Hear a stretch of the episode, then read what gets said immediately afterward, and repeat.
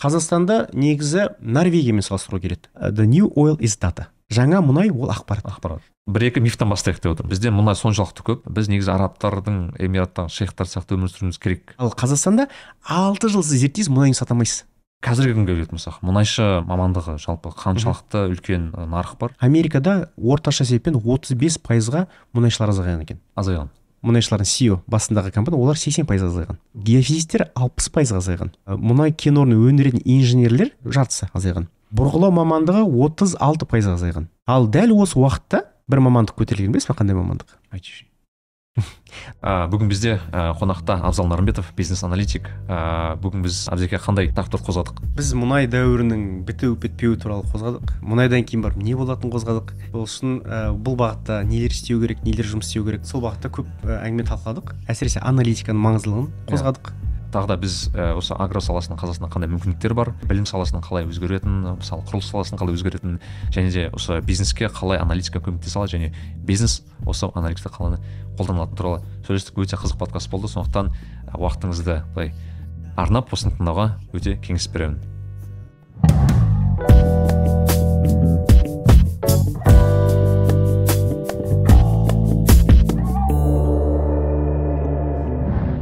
Ассалаумағалейкум достар сіздермен мен нәрікби және нәрік лайф подкасты ә, біз бүгін осындай бір әдемі ә, жерде әдемі студияда отырмыз оған ерекше алғысымды астана хаб ә, астана хаб ә, алғысымды білдіремін ә, және де бүгін бізде ә, күшті қонақ ерекше қонақ ә, енді көп ә, ол қазір басында айтпай ақ қояйын кейін өзіміз айта жатармыз бізде абзал мырза абзал абзал аға қош келдіңіз қош болдық қош көрдік. Иә енді қысқаша айтып өтсек ыыы абзал мырза бізде ыыы аналитик бизнес аналитик деп қысқаша таныстырсам болатын шығар. А, бірақ ыыы мен деген мысалы көбінесе бағанағы мұнай газ саласында аналитика бойынша таныдым. Бірақ қазіргі күні менің ойымша ә, сіз тек қана онымен шектелмей басқа да салалардың да аналитикасын жасай білесіз. Енді мен осылай қысқаша нұсқа таныстырдым өзіңізді былай қалай толыққанды қалай таныстырар едіңіз өзіңіз Ә, иә рахмет. Ә, шақырғаныңыз үшін ә, көптен бері тыңдап жүрміз сіздердің Иә. подкастын бұрыннан бері. Сол бүгін сол күн келді және нәсіп болды дейді ғой және Иә, тоже иә. подкаст сізбен жасау. Ә, таныстырып өтейін өзімді. Есімім абзал ә, қызылордадан боламын ә, 2001 жылы негізі ә, университетке түстім. Middle east technical университеті деген бар турцияда. Отты деп атайды көбісі. Естуім бар. Жақсы иә көбісінің иә, мұнай саласында жүргендердің естуі бар. Ә, біз мектеп бітірген кезде біз көп негізі талғам болған жоқ қой бізде. Біз мектеп бітірген кезде қалай ә, өмірімізді жалғастырамыз дедік. Және Мхм. өмір сүрудің жалғасы сол кезде мұнай газдың және шарықтап тұрған кез ғой. Қазіргі IT саласы қандай болса сол кезде мұнай газ саласы бәрінің жәндегі секірген саласы да. Маған бәрібір осы салада жұмыс тауып берсеңдер болды деп. Сол сол сол мақсатта 2001 жылы таңдадық. Негізі мұнай газ саласын шыны керек ә, елестетіп те көрмеппін негізі мұнай газ саласы жәндегі полиге барасың жәндегі айдалаға барасың және қап қара күйіс боласың оның бәрін ойламағанбыз ғой. Мұнай барсақ жұмыс болады. Сол маңызды болды. Ол кезде тоқсаныншы жылдың қиындығын шыққан адамдардың бәрінің жәндегі ойы жұмысым болса айлығым болса. Және уже мұнай газ саласы ең жоғарғы енді айлықтардың бірі болды. Ғой сол кезде 2001 жылы тапсырдым. Ә, турцияда 2000 адам тапсырған екен. Екі орын болды грант. Соның екі мың адамға екі орын? И- жоқ тек сол мұнай оттуде екі ә, грант. Ол жерде он университет таңдай аласыз қазір қазақстанда соған келді ғой системасы. Иә, иә, сол университеттің алғашқы таңдадым иә екі мың адам таңдаған көбісі енді отту таңдаған. Иә. Соның екі гранты біреуі нәсіп болды түсуге. Иә, иә. сөйтіп бес жылдай оқыдым біттік ал енді не істейміз енді мұнай газ саласында жұмыс істеу керек. Иә. Сөйтіп екі мың алтыншы жылы келем жаңағы бірінші вахтаға кетемін ғой. Сонымен вахтада көрген екенмін барып енді вахтада және ә, түнде де жұмыс істейсің күндіз де жұмыс істейсің және иә, айдалда жұмыс істейсің. Соны көрген екенмін барып шештім мен магистратура жасауым керек деп. Содан кейін бір жылдан кейін магистратураға кеттім. Ә, магистратураны ресей мәскеуде ә, сосын париж қаласында жасадым. Бірге джойнт дейді ғой жәндегі совместный ә, не болды? IFP деген ә, париж ә, франциядағы институт нефти дейді. Мұнай Мгм, институты. ә, ресейде губкина ә, әйгілі. Сонымен бірге жасаған магистратура болды. Ол қай жерде болды сонда төрт ай мәскеуде болды. Ә, бір жыл парижде болды. Мм. ол бір жылдың жартысы IFP ә, институтында болды. ә, жартысы тоталь деген ә, тоталь энерджи Total- иә компаниясы ауыстырды. Сода үлкен иә сода стажировка өттім. Ә, өзінің головной офисында. Негізі біздің бағдарламаның спонсоры тоталь болған үшін ол да сондай ұсынды да ә, нені стажировка жасау. Иә иә. Сол кезде ә, жасадым. Ә, бірақ енді алдында бес жыл турцияда болдым. Одан кейін ә, төрт ай мәскеуде одан кейін бір жыл ә, францияда. Содан кейін барып маған қала берсең бол, болады деп айтқан негізі тотальда ә, стажировкадан кейін барып. Жоқ мен қайтам. Елге қанша жыл бойы сыртта жүрдім дедім да. Сөйтіп қайтқан нем ғой екі мың тоғызда қайттым. Екі мың сегіздің соңында екі мың тоғызда келдім. Сол кезде жәндегі әлі бізде не дейді ғой жәндегі розовый очки дейді ғой жәндегі сол кезде шешілді да жәндегі қазақстан келдік. Қазақстанда ә, жұмыс істеу сол кезде. Европа екі түрлі негізі. Ә, шыны керек не жағынан жұмыс жағынан. Бірақ бастап кеттік жұмыс істеп кеттік ұлттық компанияда істедім бір жарым жылдай істедім. Одан кейін барып итальяндық эни компаниясында істедім он екі жылдай.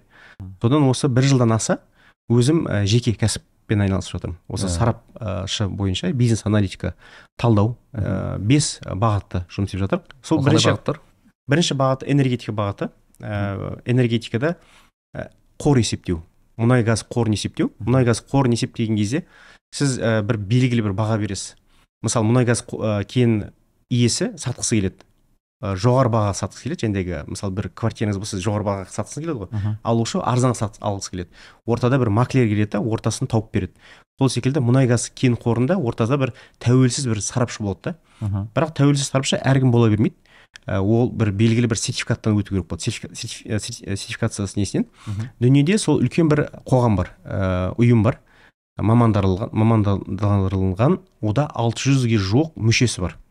Әлем бойынша? әлем бойынша тек ол- алты жүз ғана ә, тек 600 иә ә, жобамен 600 плюс Иә. минус 600 оның 90 пайызы америка мен европада.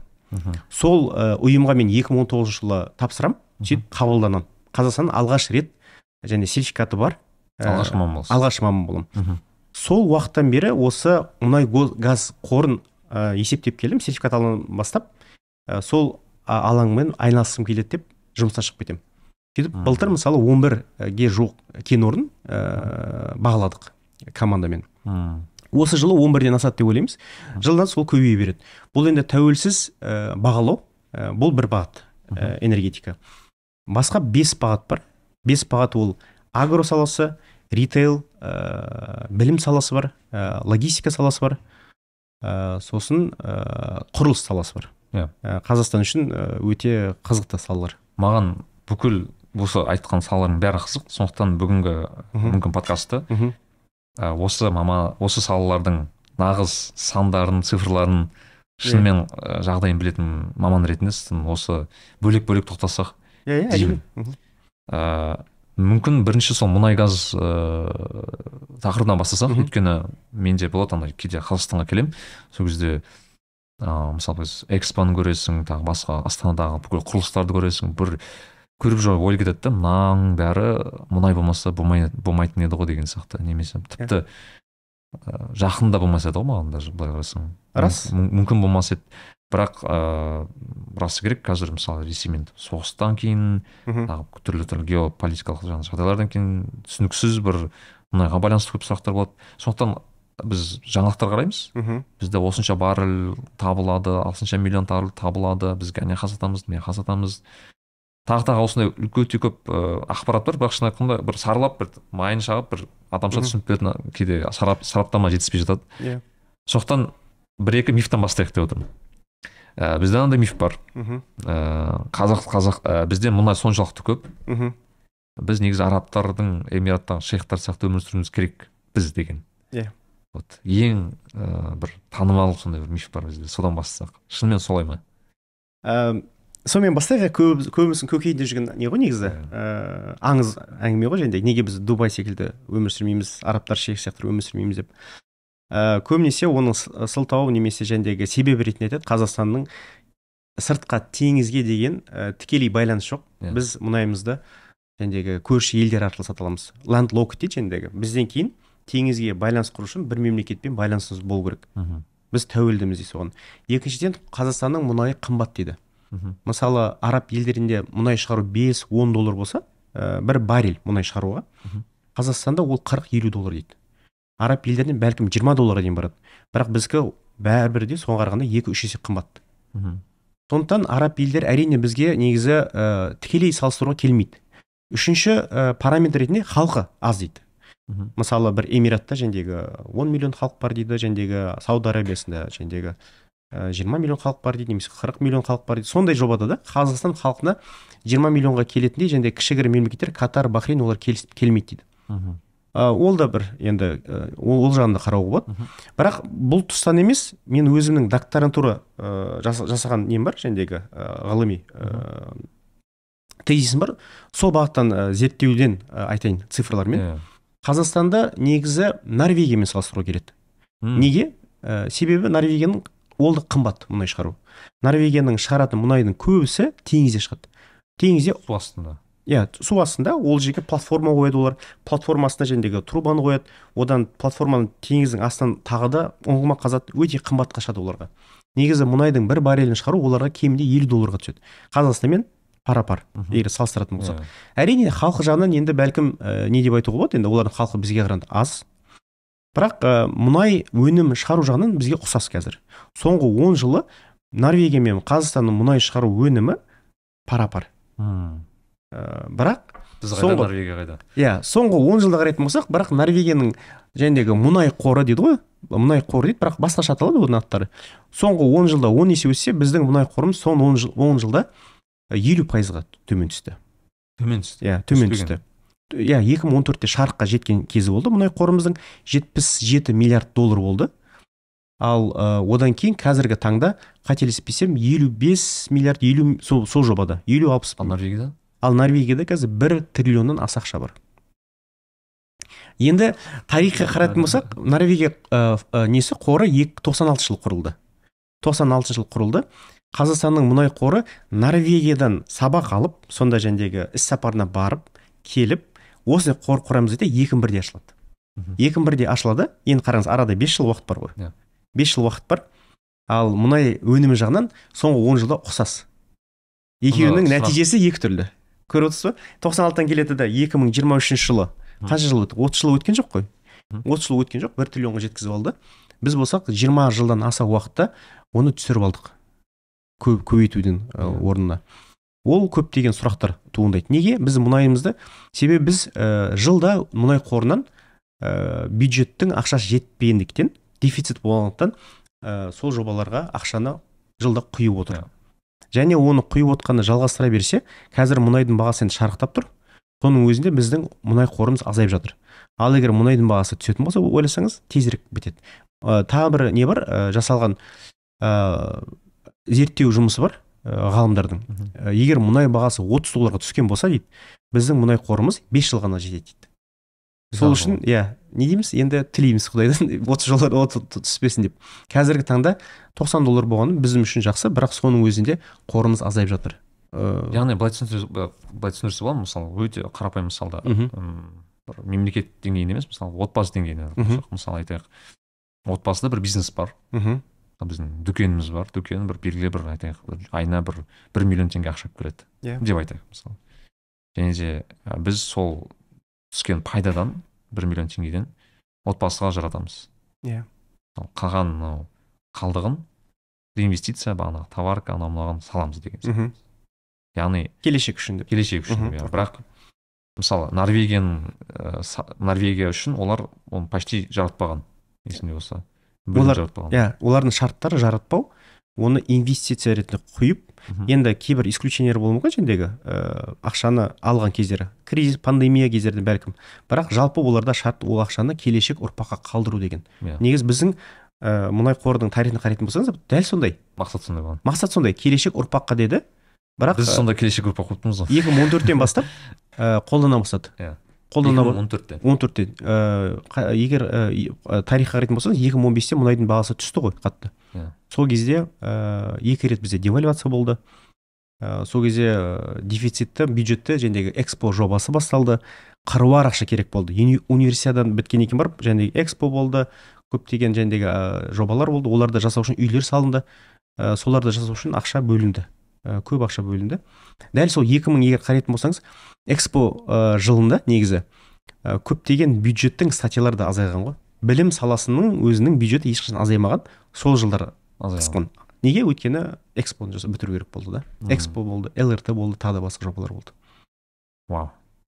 Енді норвегияның жақсы мысал келтірдіңіз себебі Нор- норвегия және жалпы европа ішінде еуропада тұратын адам ретінде айта аламын ол көп адамға қолжетімсіз бір ел ғой. Иә. Өте қымбат.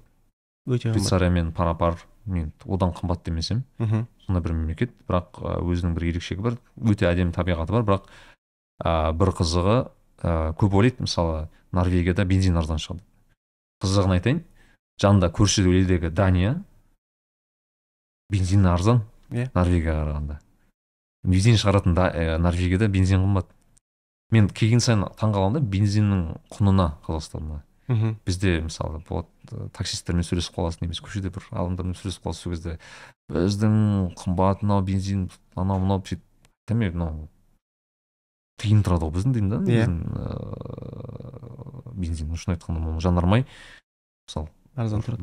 бір доллардан қанша жарты доллар ма қанша бізде мысалы? Жарты иә бір қырық цент. Иә примерно. Қырық жобамен елу цент қырық елу цент болады иә жартысы болады примерно жобамен мен тұратын голландияда қазір қателеспесем екі екі екі евро шамамен аз норвегияда одан көп мысалы. Иә. И мынандай сұрақ болады. Ә, норвегия неге норвегияда неге мысалы бензин арзан емес? Оларға ә, өздері м, Иә, иә. шығарып тұр. Жалпы халықтың әл ауқаты дейді ғой жәндегі ыыы ағылшынша бір термин бар ғой. Purchasing power parity деген PPP аха. Яғни халықтың әл ауқаты соншалықты жоғары ол олар үшін қымбат емес. М, біздің халқымыздың әл ауқаты соншалықты төмен иә. бензиннің өзі бізге қымбат болып келеді. Ал оның әл ауқатын көтерудің бір жолы ә, норвегия 1968 жылға дейін ә, балық шаруашылығымен айналысып кеткен европаның ең кедей мемлекеті болатын. Иә. 1968 жылы оларда ең алғаш рет мұнай кен қорын табады. Экофиск деген американдықтар тауып береді.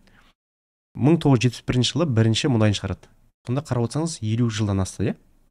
Елу жылдағы ең кедей мемлекеттен ең бай мемлекет болды. Иә. ең көп дүниедегі мұнай қорын құрды. Істеуге болады екен. Мхм. былай қарап отырсаң біз енді 30 жыл өттік қой енді. Бізде енді 2050 деген қазір жоспарымыз бар. Бәлкім біз де болармыз. Бірақ норвегия соншалықты бай оларға жаңағы көтерілген ә, бензиннің бағасы болсын немесе жәндегі салықтың көптігі болсын оларға ауыртпашылық қатты алып келмейді.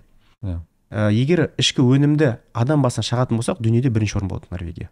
Катармен пара пар ең халықтың әл ауқаты жоғары әрі әрі қоғам жағынан социальный жағынан да ең көп ә, мемлекет қолдау көрсететін мемлекет. Иә, қандай бір мектебіне барсаңыз да ә, сол сапа университетіне барсаңыз да сол сапа садигіне де барсаңыз сол сапа. Бірақ мысалы норвегияның мысалында норвегия тек мұнайдың арқасында өмір сүріп тұр ма қазір? 90 пайыз норвегияның экспорты мұнай. Мұнай. Газ. То есть егер норвегияда мұнай бітсе норвегия бітсе де өмір сүре береді себебі оларда мұнай қоры бар біріншіден иә екіншіден олар ә, басқа да альтернатив және агро ә, несі бар ә, сектор бар норвегия туралы бір қызық не бар да ол кісілер ы, бұл ақшаны өте қызық инвестиция жасаған ғой жалпы мына Иә. мұнай қорының өзі сондай бір ең көп қызық жері ол кісілер ы, стокс дейді яғни Иә. кішкене акцияларға кірген және де Кірген. мен қателеспесем ыыы әлемдегі почти бүкіл мемлекеттік алып компаниялардың жетпіс мың компанияға жетпіс мың компанияның? жетпіс алған. компанияның акциясының иегерлері. иә. бір триллионға шамамен. иә бір шамамен бір түрлі ә, енді қанша ә, нақты екенін білмеймін. Бірақ жетпіс мың компанияның акциясын алған жетпіс мыңнан да көп қазір. Сосын екінші олардың саясаты бар. Мұнай газ компанияларының акцияларын алмайды. Ә, экологияға қоғамға зияны бар зияны болуы мүмкін деген компаниялардың акциясын алмайды. Және ECG дейді ғой. Устойчивое развитие иә. және де ә, тұрақты қоғамды қамтамасыз ететін компанияларға ғана қолдайды сондай. Иә иә Бірақ қызығы былай қарасаң өздері мұнай таба тұра? Өздері мұнай таба тұра мұнайын көбінесе мұнайын алған мұнайларын да сыртқа шығарады. Еуропада қазір элект, ә, электромобильдің бірінші орнында норвегия. Норвегия иә. Иә. Ә, яғни олар алған мұнайдың бәрін сыртқа сатады. Өздері бірақ Газын қолданбауға тырысады. Өздері қолданбауға тырысады. Өздері 80 пайыз ә, тоқты гидро неден алады? Станциялардан сонда былай қарасаң норвегия үшін ы, ы, мұнай бір ана сыртқа сату материал ғана болып тұр ғой. Бір инструмент. Инструмент. Иә. Иә. және мұнай бақ па әлде кесір ма дейді ғой? Иә. Ол мұнай оны бақ ретінде қабылдап олар білет ол бітеді екен. Тезірек қолданып оның ақшасын алып сыртқа сатып жіберіп оның зияны бізге де оның және шыққан түтіні болсын не болсын өздеріне зиян келмейді да неге өздері электромобиль дамып жатыр? Қателеспесем норвегияның ә, көліктерінің жартысы ә, электрмен жүреді Ө- өйткені- өздеріндегі саясаты басқа бірақ алған мұнайдың бәрін сыртқа сатып жібереді. Субсидия бар мен білемін субсидия өте жоғары өте жоғары субсидия бар. Бұл бұл тақырыпта да бір ә, мақала жазғам негізі. Субсидиялары санайтын болсақ тиімсіз. Бірақ норвегия бұл бағытта саясатын қолдап отыр. Неге? Ол қоғамға жақсы.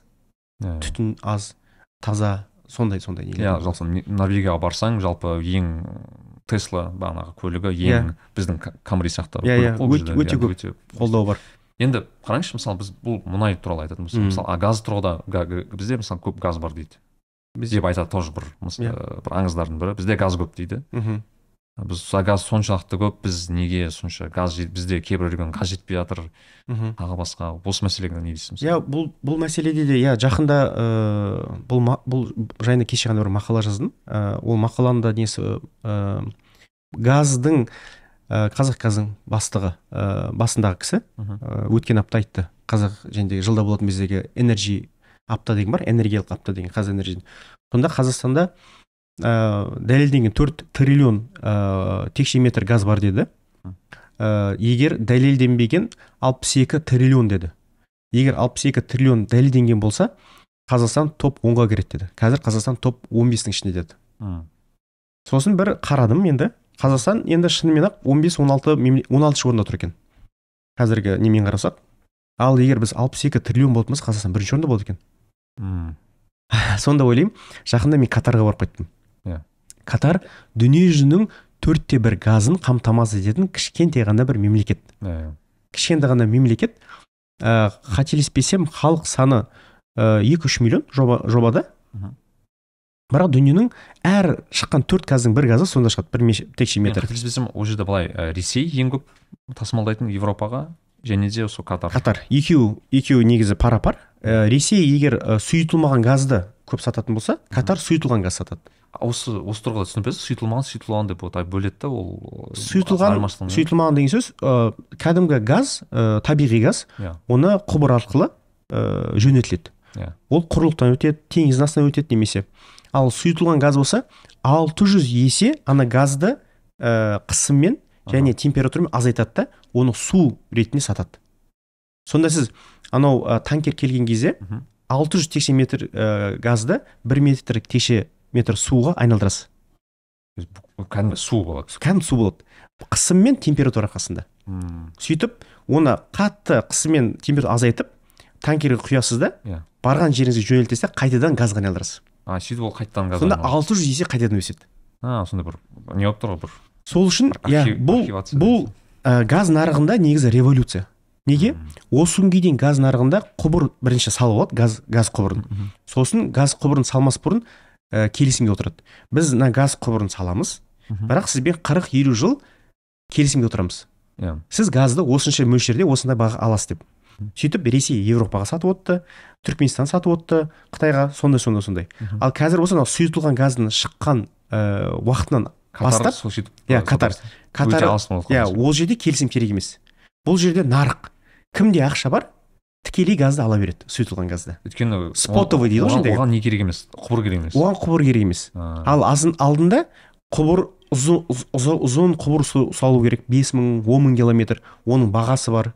Оны қайтару үшін сондай келісімге отыру керек болатын мәжбүр болатын иә, иә. ал қазір катардың жәндегі ә, LNG технологиясы дейді liquefied natural gas дейді Мгм. оның негізі технологиясы көп компанияда жоқ ол патентті те- технология Мгм. катарда соны дамытқан соншалықты сұйытылған газыр газ ә, қазір нарықта құбыр газдан қарағанда алда келе жатыр қазір газдың жартысы құбыр арқылы сатылады жартысы сұйытылған келешекте сұйытылған одан да көп сатылады мемлекет осы әлемдегі бүкіл газ сататын мемлекеттердің ішіне қанша пайызы сұйытылған қай мемлекеттер сұйытылған газ сатады? Катардан басқа. Катардан мысалы оны ә, катар бір, ә, катар бар австралия бар ә, сұйытылған газ сататын ә, америка бар ә, ресей бар.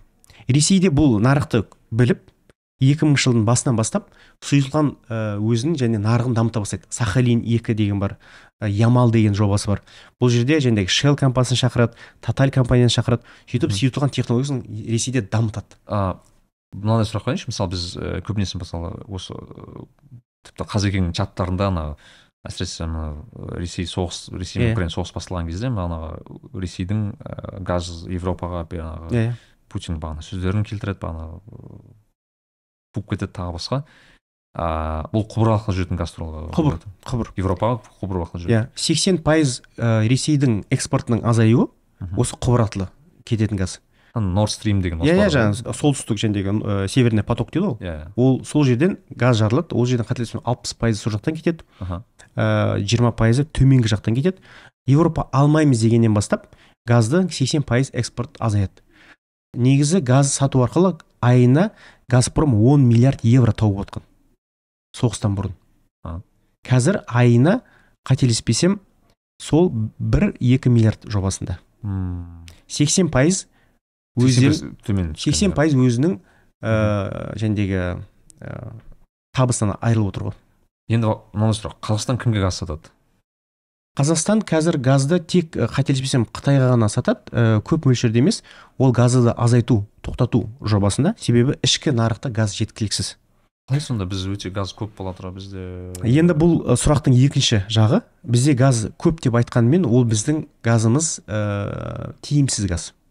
Себебі газ астымызда бар оны шығару үшін белгілі бір инвестиция құю керек. Ал біздің ішкі нарықта газдың бағасы соншалықты төмен болған соншалықты 100 доллар жобасында ғой Иә. ол өзін өзін ақтамайды. Инвестор келіп ол газ ә, кен орнын сатып алады ұңғыманы қазады оған құбыр салады оны халыққа жеткізеді. Оны жеткізбеу үшін газды тазарту керек болады. Біздің газымызда жәндегі та- қатты таза газ емес та оның ішінде күкірт және қышқыл газы болуы мүмкін. Оның ішінде меркаптан болуы мүмкін. Оларды тазарту керек болады. Сөйтіп жеткізгенше оның белгілі бір құны бар. Ал ол құны қазіргі сатылып жатқан текшеметр халыққа сатып жатқан ақшасы өзін өзі ақтамайды. Сондықтан бізде газ көбінесе ә, мұнай кен орнында да мұнай шығады ғой. Газ да шығады. Газды енді басқа жаққа кетіре алмайды. Оны жағатын болса үлкен штраф төлейді. Соны төлемеу үшін газды ә, өз құнынан шамалы жоғары бағада қазақгазға сатады. Амал жоқтықтан ал бұл ә, қазіргі болып жатқан кен орнында. Ал жаңа кен орындарына инвесторлар ақша құюға құл- несі құлқы жоқ. Неге? Өйткені газ шығады. өзін өзін ақтамайды ол ол 10 жыл 20 жыл бәлкім жүруі мүмкін. Ал европадағы газдың бағасы қанша? мың екі мың доллар. Бізде 100 доллар 50-100 доллар арасы Иә. ол 10 есе арзан ол ә, сіз алатын шығаратын технология европаның технологиясы Мгм. европа сол технология қолдану арқылы мың екі мың доллар сатады да ал бізде 150-100 доллардан арасы сатады Ә, ол Себебі? өзі себебі бізде тариф біз 30 жыл бойы ә, тәуелсіз алдан алғаннан бері светті де тоқты да ә, тарифті жәнегі регулятор дейді ғой және регулировать етіп келеміз жәнегі ә, белгілі бағада ұстап келеміз ә, бензинде де белгілі бағада ұстап келе жатырмыз. Газды да белгілі бағада ұстап газ дегенде яғни бұл анау ыыы мысалы айтайық ә, тариф дегенде мысалы ә, бір текше метр ә, бағана газ құнысы осындай болды. Иә бұл- бекітілген. Ол мысалы қаңтардың мысалы қаңтар оқиғасының басы газдан басталды ғой Иә. мысалы. Қаңтардың енді оқиғасын былай шамалы былай бір аналитика жүргізетін болсақ ә, негізі газдың бағасы басқа ә, региондарда өлкелерде негізі облыстарда көбейіп келетін болған. Қаңтар оқиғасында жаңа өзен дәл сол жерде же- 10 жыл бойы 2011 жылдан бері баға газ көтер өспеген. газ өспеген. Сөйтіп келеді да бір түнде екі есе бағаны көтереді. Ең чувствительный да және өте жаңағыдай чувствительный бір регионда сіз он жыл бойы көтермей бір күнде екі, екі есе көтерсеңіз әрине ол жерде көтеріліс басталады Иә. ал дәл сол баға астанада да Ал- алматыда болады. Екі есе көтерілген баға одан да жоғары баға болады негізі ә, қалған жаңаөзеннен басқа региондарда бағанағы бұл ә, құн он жылдың ішінде өсіп келді Тек қана- иә. сияқты иә иә өзінің несі бар ә, ұстап тұрды бірақ белгілі бір ә, пайызда өсіп келді тек қана жаңаөзенде он жыл бойы ұстап тұрды А неге ұстады сонда ол себебі екі мың он бірінші жылы оқиғалар болды оқиғадан кейін одан кейін барып ол ә, сол былай айтсаң специальный статус болды ғой ол жерде күл- күлкілі болған былай айтсаң ситуация өйткені мысалға он жыл бойы біз ештеңе ештеңе болмасын деп ұстап келдік. бір күнде екі есе өсіресіз да сіз? Жоқ и именно сол тура сол мәселе қайтадан сол мәселе ну как қайтадан көтеріліс басталады деген сияқты. Бас иә басталды себебі екі есе өс- өсірдіңіз. Бір күнде мысалы сіз ойлаңызшы ә, мысалы сіз бензин қанша қазір бағаласы екі жүз теңге ма екі жүз елу теңге дейік мысалы тоқсан бес та сізге ертең бес жүз теңгеге бензин аласыз десе не істейсіз иә. Астанада Түсінікті ол жерде жаңаөзен емес астанада көтеріп кетеді деп ойлаймын да. Иә. Сол да сіз үйреттіңіз да он жыл бойы. Ә, арзан бағаға. Иә. оны менің ойымша ә, ш- ә, аздап көтеру керек еді деп ойлаймын.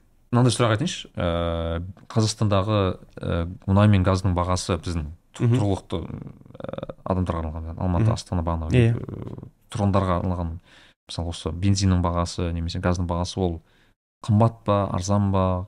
Жалпы егер шағатын болсақ ол Енді- тиімділігі тұрғыдан иә қай жерде ә, шектеу қойылса ол жерде нарық жүрмейді. Бізде нарық бағасы ә, нарықтың жаңағыдегі нелер дейді ғой ә, жүрмейді. Ә, ну мысалы бензиннің шын бағасы қанша болу керек деп ойлайсың мысалы? Қазір мысалы екі жүз теңге деп айтады мысалы.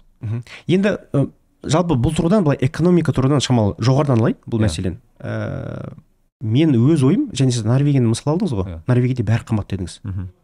Мен өз ойым бензинді шығаратын да газды шығаратын да электрді шығаратын да бүкіл тауар шығаратын бұл өзіміз халқымыз оның істеп жатқан компанияларда. Иә.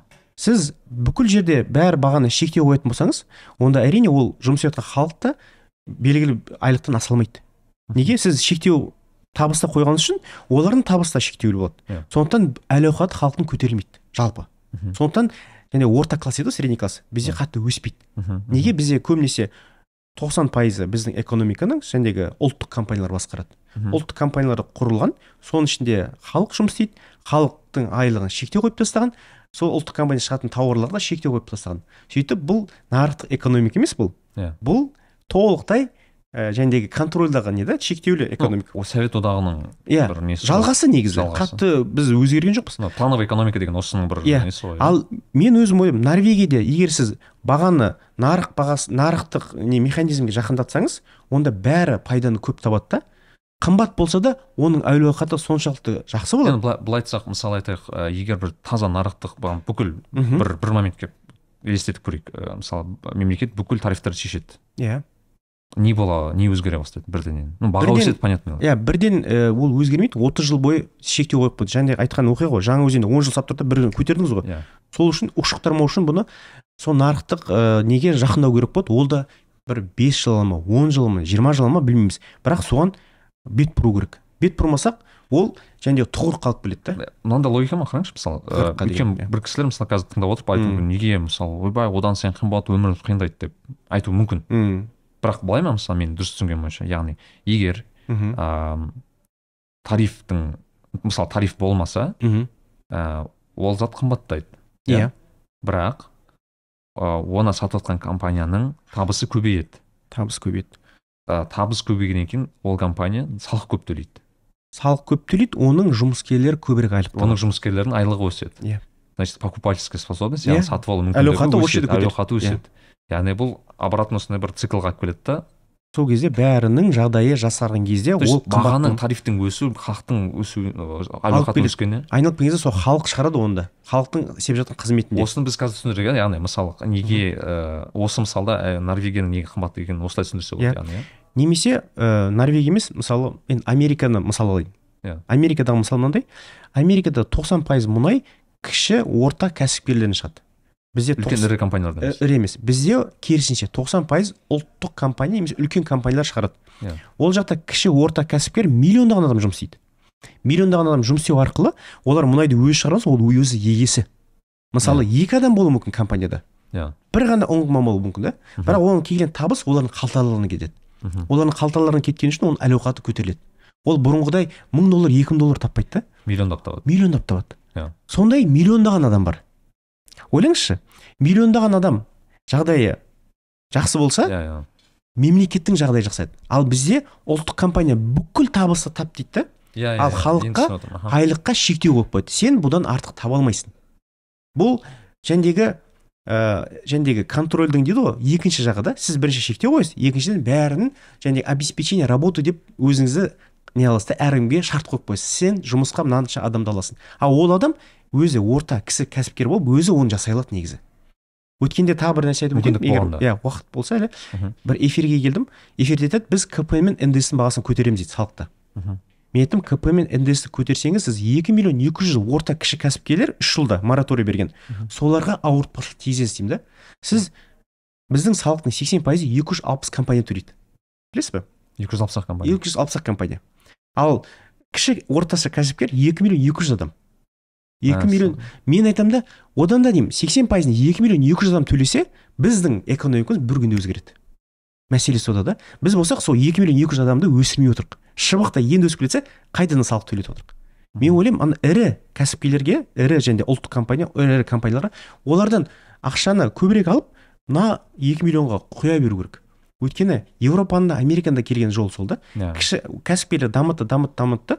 Бір германияның өзінде мысалы бір бмв ның бөлшегін шығаратынын білесіз ғой? Қанша компания бар? бмв ны өзі шығармайды ғой. Иә егер былай картаға қарайтын болсаңыз мына бөлшегін кішкентай бір бөлшегін ана жерде төлейді. Бөлек бөлек заводтар бөлек бөлек зат шығарады. Оның бәрі андай жеке кәсіпкерлер. Иә иә. Сонда бір бмв үшін мыңдаған жүз мыңдаған неміс жұмыс істейді да. Оны дүние жүзіне сатады. Содан келген пайданы бәрі алып отыр. Яғни мысалы Неге біз осылай э, болмасты? альтернатива ретінде мысалы айтайық. Қазір ыыы мұнай газ саласын реформасы ретінде просто иә. елестетіп көрейік. Мысалы айтайық егер ыыы біз бағанағы қазіргі стратегиядан кетіп ірі, ірі үлкен компаниялардан гөрі кішігірім Иә. Ыыы компанияларға көшетін болсақ яғни бір кішігірім компания бір адам ғана бастық екі адам ғана басқарып өзіне керекті адамдарды ғана алып тиімді тиімді жолмен басқарып Иә. пайдасын көбейтіп иә. конкурент жаңағы Бәсекелестік көбейту бәсекелестік көбейтіп сол кезде нарықтың нарықтағы ақша көбейеді нарықтағы ақша көбейген әл ауқат көбейеді. әлеуқат көбейеді. Сол кезде бізге тарифті көтеру қиын болмайды. Норвегияны алайық мысалы сіз айтып отырсыз ғой мұнай мен газды себеп бір инструмент ретінде қолданады. Біз анау алып алып компанияларда тұра берсін олар. Олар табу керек. Иә. оны инструмент ретінде қолданып келген ақшаны құя беру керек. Сонда бізде мысалы айтыңыз сонда бізде дүние жүзінде нарыққа және бәсекеге ә, шыға алатын екі миллион кәсіпкер болады да. Иә иә. Тек қана қазақстан емес. А мысалы норвегияда ол табатын компания ол мемлекеттік компания. Табатын ә, мемлекеттік компания да бар ә, жеке де компания бар иә. Мгм. бәрі бар. Бізде де сол ғой енді ұлттық компания да бар жеке де бәрі бар. Бірақ Иә, иә. алып алып екі жүз алпыс компания сексен пайыз біздің табысымыздың салықтың табысын алып келеді. Соның Окей. бір ғана компаниясы мысалы шоны айттым ғой отыз пай отыз төрт пайызын алады да соның төрт жарым триллион ақшамен ойлай беріңіз. Осындай достар ыыы мұнай газ саласы әлі күнге дейін өте маңызды. Мынандай ыыы аңыз тағы бар. Ыыы бізде ыыы мұнай екі мың елуге дейін бітіп қалады деген. Мхм ол да жиі ватсапта келетін иә. ыыы біздің нелер? Сондай бір аңыз әңгімелер. аңыз әңгімелер. Енді па? қазіргі тұрғыдан былай айтатын болсақ біз соңғы екі мың он тоғызда мұнайдың ә, 90 миллионға шықты. Ең ә, тоннаға бір жылда шығарған ә, және ең пик дейді ғой. Ә, ә, және шегі. Қазір екі мың он тоғыздан бері көтерілмей жатыр 90 миллион. Биыл көтеріледі дейді енді енді үміттеміз. Бірақ жалпы бізде неге мұнайдың ә, қатты көтерілмей жатыр өнімі? Себебі біз соңғы ә, он ә, он бес жыл бойы жаңа кен орын тапқан жоқпыз. Біздің тапқан кен орындарымыз соңғы бес то есть соңғы 10-15 жылда шыққан кен орындарын біз өндіріп жатырмық а, қарақшығанақ? Ә, қарашығанақ теңіз қашаған тағы да басқа да ә, кен орындар. 80-ге жуық кен орны бар қазір өнім шығарып жатқан. Осылай жалғаса берсе ол төмен түсе береді неге? Біздің жаңа қорымыз жоқ жаңа кен орнымыз жоқ. Оны ә, толтыратын. Тол- толтырып тұру керек та. Өйткені сіздің қазіргі қорыңызда жылда 90 миллионы кетіп жатыр да. Өнім шығарылсын сіз айттыңыз ғой мысалы алдыңғы жылы сіз өте көп кен орындарын зерттедік. Мысалы ол жақта табыла ма көбінесе ол қалай енді ол кен орындар табылған кен орындар. Олар жәндегі не секілді ғой? Ә, бір ә, үлкен бір резервуар болса бочка. Иә. оның қоры бар ол жылда азайып жатыр ал жаңа қорлар таппасаңыз ол азайғаннан кейін барып төмен түседі яғни мысалы сіздің жұмысыңыз бағана ә, сарап, сарапшылаушы ретінде мысалы бір адам айтады мысалы мен білмеймін атырау маңғыстау облысынан бір жерде айтады мына жерде мұнай бар дейді. А, ол иә. ол қалай ары қарай не болады? Ә, ол жерде мұнай бар шығар деп айтады басында. Иә. сөйтіп ә, жәндегі зерттеу жұмыстарын жасайды. Бірінші ол жерде бұрғылау өткізеді. Ә, одан кейін мұнай бар ма жоқ па оны көреді. Сосын оның қорын есептейді. Қорын есептеген кейін барып ол жерден шыққан мұнай менің өзімнің экономика тұрғыдан тиімді ма? Соны есептейді. Мгм. бізде көптеген қорлар бар. Тиімсіз болған үшін жерде жатыр. Соның бірі газ. Ашылмайды. Ашылмайды. Неге? Бірақ оны инвестор барып құятын болса ол көп ақша жаратады да пайда көргеннен сонда не аламын дейді да оны. Мхм. сондықтан олар қор емес негізі. Ол қорға айналу үшін ол тиімді болу керек. Ә, көптеген мемлекеттің барьерлері бар административный. Мысалы сіз жәндегі ә, стадия разведки дейді жәндегі бірінші ә, зерттеу стадиясы дейді жәндегі бұрғылау стадиясы. Соны алты жыл қойып тастаған. Ал қазір заман білесіз уақыт заманы да. Бір инвестор алты жыл бойы зерттеуге ол уақытын жұмсағысы келмейді бәлкім. Америкада қалай и канадада қалай? Сіз бір кен орын аламын дейсіз ба сатып алсақ ертеңгі күні оны өнім шығарып сата бастайсыз. Иә. ал қазақстанда алты жыл сіз зерттейсіз мұнайын сата алмайсыз. Кім келеді инвестордан? Мысалы египет мысырда сондай болатын. Мысыр өздері нелерін өзгертті ә, жәндегі инвесторларға? Ә, бір екі жылда қалай ақшасы солай өндіре беріңіз дейді. Сөйтіп қазір ә, көптеген инвесторлар барып ә, ақшасын құяды да өйткені инвестор ол бизнесмендер ғой. Иә. Олар иә олар ақшасын бес жылдың ішінде қайтара алмайтын болса ол оған ол басқа жерге кетеді ғой, елдерге. Иә. Сол үшін катар сол үшін абу даби сол үшін сауд арабия сол үшін египет. Ол жақтарда инвестиция тартады. Оларда шарттар аз. Ал бізде ә, сол са- алты жыл деген совет несінен қалған нелер ғой Иә, иә, шарттар. иә, әлі қалып отыр да. Ол оны уақыт та стандарттар тиімсіз. Сіз алты жылда шығарған ақшаны одан мен басқа нәрсеге құйып көбірек ақша табайын дейді. Енді мынандай сұрақ бар. Ә, мысалы бізде екі мың қателеспесем бір бес бесінші жылдан мүмкін екі мың екі мыңыншы жылдардан тіпті мұнайшы деген бір мамандыққа өте көп бір хайп болды хайп Иә. деп айтайын өте үлкен. Иә екі мың жылдың басында өте көп адам мұнайшы деген мамандық қойды кейін өте көп адам одан қайтты. Иә байқағанымша қазіргі күнге келетін болсақ мұнайшы ә, мамандығы жалпы қаншалықты үлкен нарық бар және шынымен қан- нарық болғанда да қандай ә, мамандар қажет көбінесе түсіндім ә, ең үлкен статистика негізі ә, америкада ғой содан бастайық бір цифрамен жақсы көреміз аналитика және сандармен 2012 мен ә, 2021 жыл арасында 10 жыл арасында ә, санаған мұнайшы қанша жұмыскер көтерілген немесе азайған? Америкада орташа есеппен 35 пайызға мұнайшылар азайған екен. Азайған. 10 жыл ішінде. Ал егер оның ішіне жәндегі қарайтын болсақ ә, сала ретінде мысалы CEO дейді ғой мұнайшылардың CEO басындағы компания олар 80 пайызға азайған. Геолог геофизиктер 60 пайызға азайған. Ә, мұнай кен орнын өндіретін инженерлер елу елу қырық бес қырық бес елу пайызға азайған жартысы азайған. Ә, бұрғылау мамандығы 36 пайызға азайған. Ал дәл осы уақытта бір мамандық көтерілген білесіз ба қандай мамандық? Айтшы дата сайентист дейді. Жалпы. IT оның ішіне кіреді аналитик те кіреді. Ә, жалпы ә, датамен ә, ақпаратпен айналысатын ә, мамандар дейді. Иә. дата сайентист олар 35 пайызға көтерілген геолог геофизиктерға салыстырғанда үш есе көтерілген екен. М. 2012-ден 21 себебі неден бұл осыншалықты бәрін құлауының бұл бүкіл себебі қазір мұнай газ саласында негізі жұмысшы жеткілікті. Қазір автоматизация процесі басталды ғой. Яғни жұмыс жұмыс орындары азайды. Жұмыс орындары азайды оны технология ә, технология және автоматизацияға ауысып жатқан үшін бұл жерде көбірек айтишник керек қазір мұнайшыларға көбірек аналитик керек көбінесе датаны яғни. IT маманы ә, бұрғылаушы маманға қарағанда IT маман мұнайшыларға көбірек керек болып тұр ғой. Көбірек ә, керек болды бірақ оның да бір қазір несіне келе жатырық ә, тоятын бір несі бар ғой Шегіне. шегіне келе жатырық жалпы америкада келген жәндегі ә, не дейді ғой ә, волна дейді ғой толқын ол да бізге келеді да бірінші ол жақта басталады сосын бізге келе жатыр иә. Мысалы мен университетте 2018 жылы бір анкета жүргізген кезімізде университетте 90 пайыз мысалы сәтбаев университетінің 90 пайыз студенті мұнай газ бітірген. Өз саласында жұмыс істемейді. Иә Өте басқа салада жұмыс істейді. Ә, мысалы көп. Сонда айтамын бізде грант дұрыс бөлінбейді демек. Бізде аналитика жоқ та. Аналитика жәнегі атлас профессия деп айтамыз. Бірақ ә, түбіне келген кезде біз грантты бере береміз. Қазір айтиға мысалы өте көп грант беріліп жатыр. Солардың бәріне жұмыс мысалы бола ма? Оның да бір несін жасау керек деп ойлаймын да аналитикасын. Сондықтан қазір қазақстанда мұнай газ саласында маманы көп керек емес. Керек болған жағдайда да ол мұнай газ саласында басқа да икемділіктер болса ол мамандықта жұмыс таба алады. Былай айтса бола ма? Қазіргі объем қазіргі нарықтағы гранттардың санынан қарағанда ол соншалықты көп маман қажет емес қой. Яғни керек емес. Бізде көптеген салада менің ойымша мұнайшы именно вот почему то мұнайшы именно вот ә, профессия бойынша жұмыс істемейтін мамандықтардың бір, бір топтығына кіреді өйткені мен Енді рет көрдім. оны ол да бар. Ә, мұнай газ саласы инновация жағынан басқа салаларға да төмендеу. Иә. М, себебі де бар. 2000 жылдан бастап мұнай бағасы көтеріле бастады. 2000 жылдардың басында білесіз ба қанша болды мұнайдың бағасы? Екі мыңыншы жылдары. М, басында. Қазір так бізде қазір тоқсан. Жүз жоқ. екі жүз? Жоқ. Вау қанша? 2000 жылдың басында. 16-20 доллар арасында болды. А ой арзан болған. Окей окей. өте арзан болды. Аха. 99 жылы негізі кризис сондан болды. Мұнайдың бағасы төмен түскендіктен қатты кризис болды.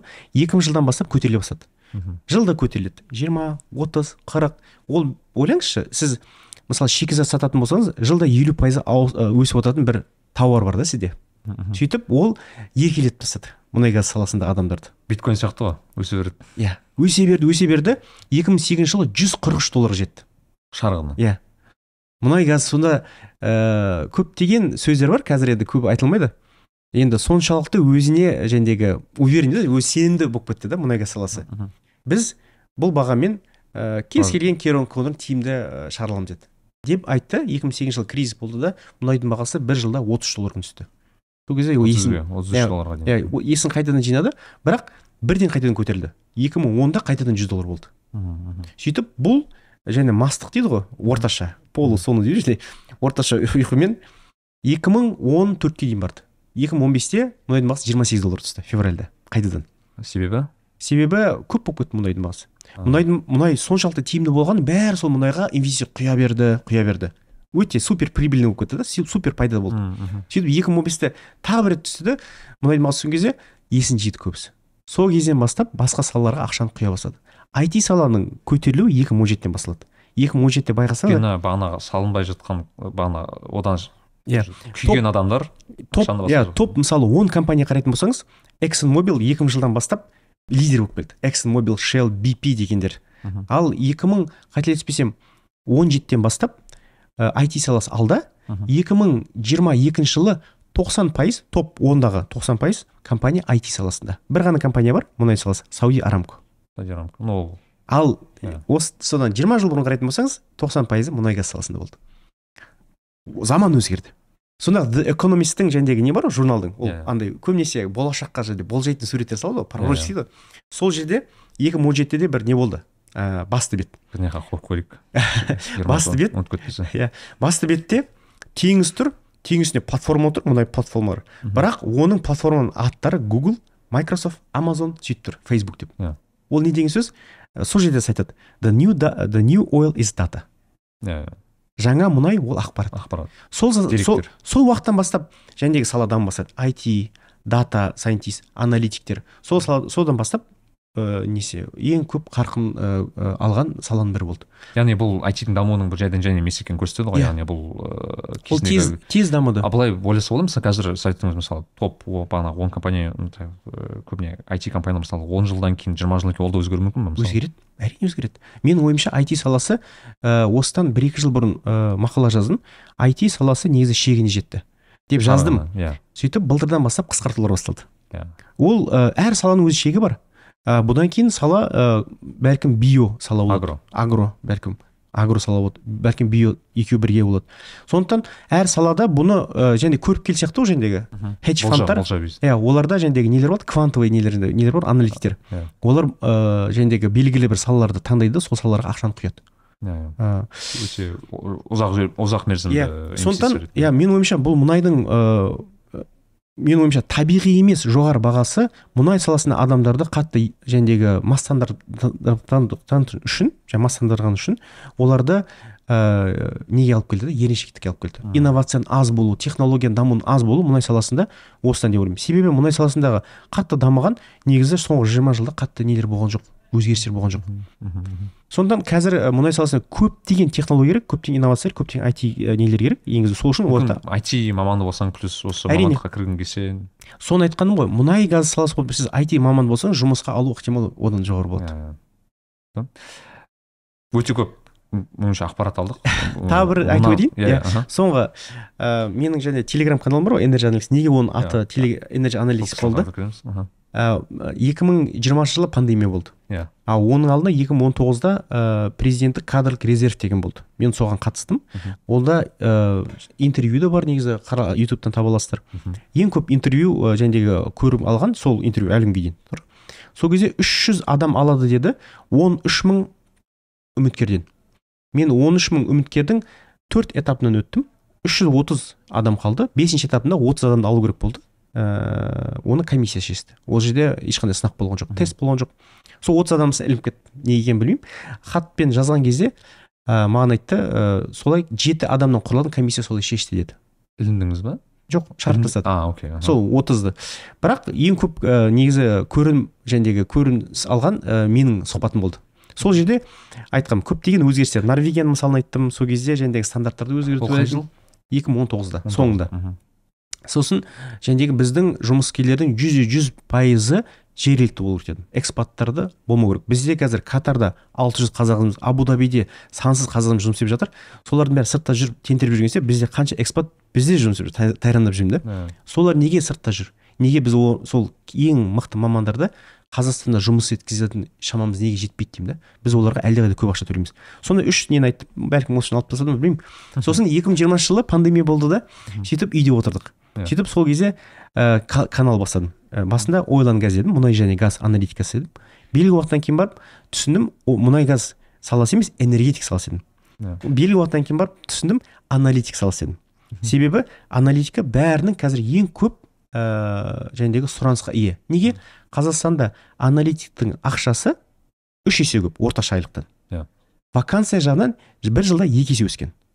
Бұл сала бұдан да ары дами береді. Сондықтан мен өзім 15 жыл мұнай газ саласына берсем де өзімді магистратурам бар бакалаврым бар докторантурам болса да бұл саланы мен ә, тастамаймын жалғастырамын. Бірақ аналитика саласына көбірек мән бердім сондықтан мен тек қана энергетика емес ә, агро болсын бүкіл салада аналитика жасауға бел будым. Иә. Со- со- сондықтан аналитикаға көңіл бөліңіздер вот аналитикаға байланысты осы жерде. Бағана біз і, бірнеше бес сала дедіңіз ғой мысалы бір қызық салалардың бірі ол агро. Агро. Себебі ә, агроға мемлекеттің потенциалы өте жоғары деп өзім ойлаймын. Бірақ енді сіз айта жатасыз бірақ а, бірақ қазіргі мысалы жағдайын қарасаң агроның жағдайы бір мүшкіл сияқты болып көрінеді. Иә. маған өте прям төмен ә, жағдайы. Жалпы мемлекеттің қазіргі жағдайы қандай және де потенциалы қандай? Соны айта бересіз агро саласына келетін болсақ тәуелсіз алмас бұрын біздің ішкі өнімнің 35 пайызын агро саласы қамтамасыз еткен. Аха. Сенесіз бе? Ал мұнай саласы болса ә, біз тәуелсіздік алған кезде мұнайымыз 20 миллион тонна болатын. Қазіргі мұнайдан 4-5 есе төмен болатын. Мұнай газ саласы қазірге дейін болмайтын агро саласы өте қатты дамыған соншалықты қазір біз 5 пайызына да жете алмай отырмық ішкі өнімнің сенесіз бе? 8 есе бұл сала кішірейіп кеткен да. Иә. Неге? Себебі қарайтын болсақ голландияда ә, естіген боларсыз голландская болезнь дейді ғой голландиялық ауру дейді. Олар да кезінде газ жетпісінші жылдары газ кен орнын табады да газға көңіл болып кетеді. Халықтың көбісі газ м, жәндегі компанияларда жұмыс істеп кетеді. Сол кезде агро саласымен жәндегі ә, өнім шығаратын производство дейді ғой ол қатты не көреді жәндегі не алады соққы алады азайып кетеді. Адамдардың ең жақсы мамандар сонда кетеді ең ана бұлардың шығарған тауарлары төменге түсіп кетеді. Сосын сол кезде ә, голландия түсінеді сөйтіп бұған белгілі бір нелер қояды. Шектеулер. Шектеулер қояды. Сөйтіп баланс тастайды. Кейін ол газ жауып тастайды даже. Қазір голландия ол киноны білемін даже. Гронинген деген жерде бір жарылыстар дәл сол дәл сол айтқаныңыз и ә, сон- сондықтан қазір голландия сол өзінің агро несін қайтадан алып келді да қазір дүние жүзінде ең беделді он мемлекеттің ішіне кіріп отыр агро саласында. Мен қателеспесем голландия ә, ә, білмеймін мүмкін сіз қазір дұрыстайсыз бірақ өздерінің айтуы бойынша экспорттың бойынша ә, ақш тан кейінгі бір орындарды Иә, алады деп айтты ақш тан кейін екінші орын. Ақш екінші орын түсіндіре кетейін голландия алматы облысынан кішкентай жер. Кішкентай жер иә енді сол сол ай- таң қалдым да америка мен мына алматының облысында мына құртағандай жер қалай бір бірімен бәсе- бәсекеге келеді деймін да жалпы? Істеуге болады ғой. Голландия айтпақшы мен енді тұрғандықтан бір, а- бір информация Иә, білемін кішкене инса- инсайттар айтайын. Голландияда ә, мынандай мәселе бар. Ә, жүз пайыз жер ә, орысша освоен дейді ғой. Қолданыста Иә, иә. жүз пайыз жер. Бос жер жоқ. Бос жер жоқ. Вот. Енді өзіңіз айтып отырсыз. Клочок земли дейді ғой ондай жоқ жер сондай. Өзіңіз айтып соны мың тоғыз жүз жетпіс сегізінші жылы голландская болезнь деген да, а, не дейді ғой жәндегі дач дизис деп. Ең бірінші терминді сол the economist деген журнал қайтадан қояды. Негізі анау дачизис деген именно вот термин ретінде. жоқ ол қандай мағынасы бар сонда? Мағынасы деген сөз мұнай газ шыққан елдердегі ә, не да синдром. А біздің синдром мысалы. Біздің синдром. Иә. біз 30 жыл бойы мұнай газ ә, саласынан ә, бюджеттің жартысын толтырып отырдық та. Экспорттың сексен пайызын толтырып отырдық яғни бізде былай қарасақ ә, голландияның бір несін қайталауымыз мүмкін ғой бұл жерде мысалы айтайық. Соны қайталап отырық қой. Жоқ жақсы жағын да қайталауымыз мүмкін ғой. Жақсы жағын қайталауға болады былай айтқым келгені мысалы Сабақ алу голландия- керек. сабақ алып мысалы өйткені енді нидерланд еліне келетін болсақ мысалы оның бірден бір дамыған себебі негізі именно вот агро жағынан ол ә, университеттер деп айтады да көбінесе. Иә. Себебі ә, бізде ә, бір эйди деген қала бар. Ә, сол қаланың жанында вагенинген деген бір өте бір сұмдық керемет университет тұр.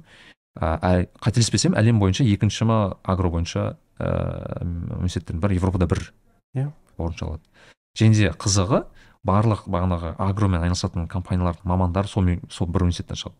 Яғни бір университет бүкіл саланың қамтамасыз етіп отыр. иә, мамандар өскеніне жауапты жалпы айтқанда. Білім? Бір білім білім арқылы білім яғни инновация. иә, иә. технология. Көресіз ғой? Болады бұны жасауға. Иә. соны айтып тұрмын қазақстанда потенциал бар М. жеріміз бар. 2030 жылға дейін ә, бос жер болатын дүние жүзіндегі бес елге кіреміз. Бізде жер? Иә дүние жүзінде жер көп емес негізі.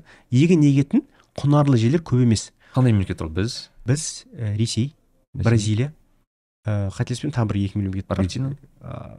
Индия кіреді қателеспесем бәлкім. Бірақ оны бір нақтылау керек бірақ бес мемлекеттің ішіне кіреміз. Бізде үш миллион гектар жер бар. Соны екі мың отызға дейін бес миллионға дейін көтере аламыз гектар. Сұмдық негізі. Біз анау кезінде бір не болатын? Анау олжа агро деген. Ол жағы бір миллион- әлі күнге дейін бар. Иә. бірақ қазір азайып қалды. Бірақ сол кезде бір миллион екі жүз мың жер болатын гектар. Сол кезде шетелдіктер бізге келген кезде таң қалатын бір миллион екі жүз гектар деген сұмдық қой деп. Иә. негізі өте көп жер ғой. Соның өзі жеткілікті да үш миллион бес миллионға жеткізуіміз қажет емес. Сол болған жердің өзін дұрыс өндіре алсақ соның өзі қазақстанды лидерге алып келеді. Қазақстан отыз пайыз өзінің ішкі өнімі агродан шықты қазір бес пайыз бес пайызға түсті. Соны бес пайыз емес он пайызға көтергеннің өзі бізге қандай не береді деймін талшөк береді экономикамызға? Проблема туралы айта кетейікші мысалы. Неге неге сіз айтып отырсыз ә, бізде сегіз ақ пайыз дедіңіз ба қазір? Қазір бес пайыз. Бес пайыз, бес жетпейді бес пайыз. бес пайызға жетпейді. Ыыы яғни біз өз нарығымызды өзіміз қамтамасыз ете алмаймыз түсінгенімше иә. енді бірінші ең үлкен себеп ә, шектеу экспорт шектеу.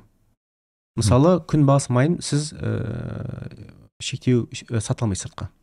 Сол үшін күнбағыс қазір білмеймін бірақ ә, шектеу болатын. Себебі күнбағыс майы европада бізге қарағанда әлдеқайда қымбат. Иә. егер біз оны экспортқа шығаратын болсаңыз халық аштан қалады дейді. Сол секілді біз пиязға дейін шектеу қойып тастаған ғой.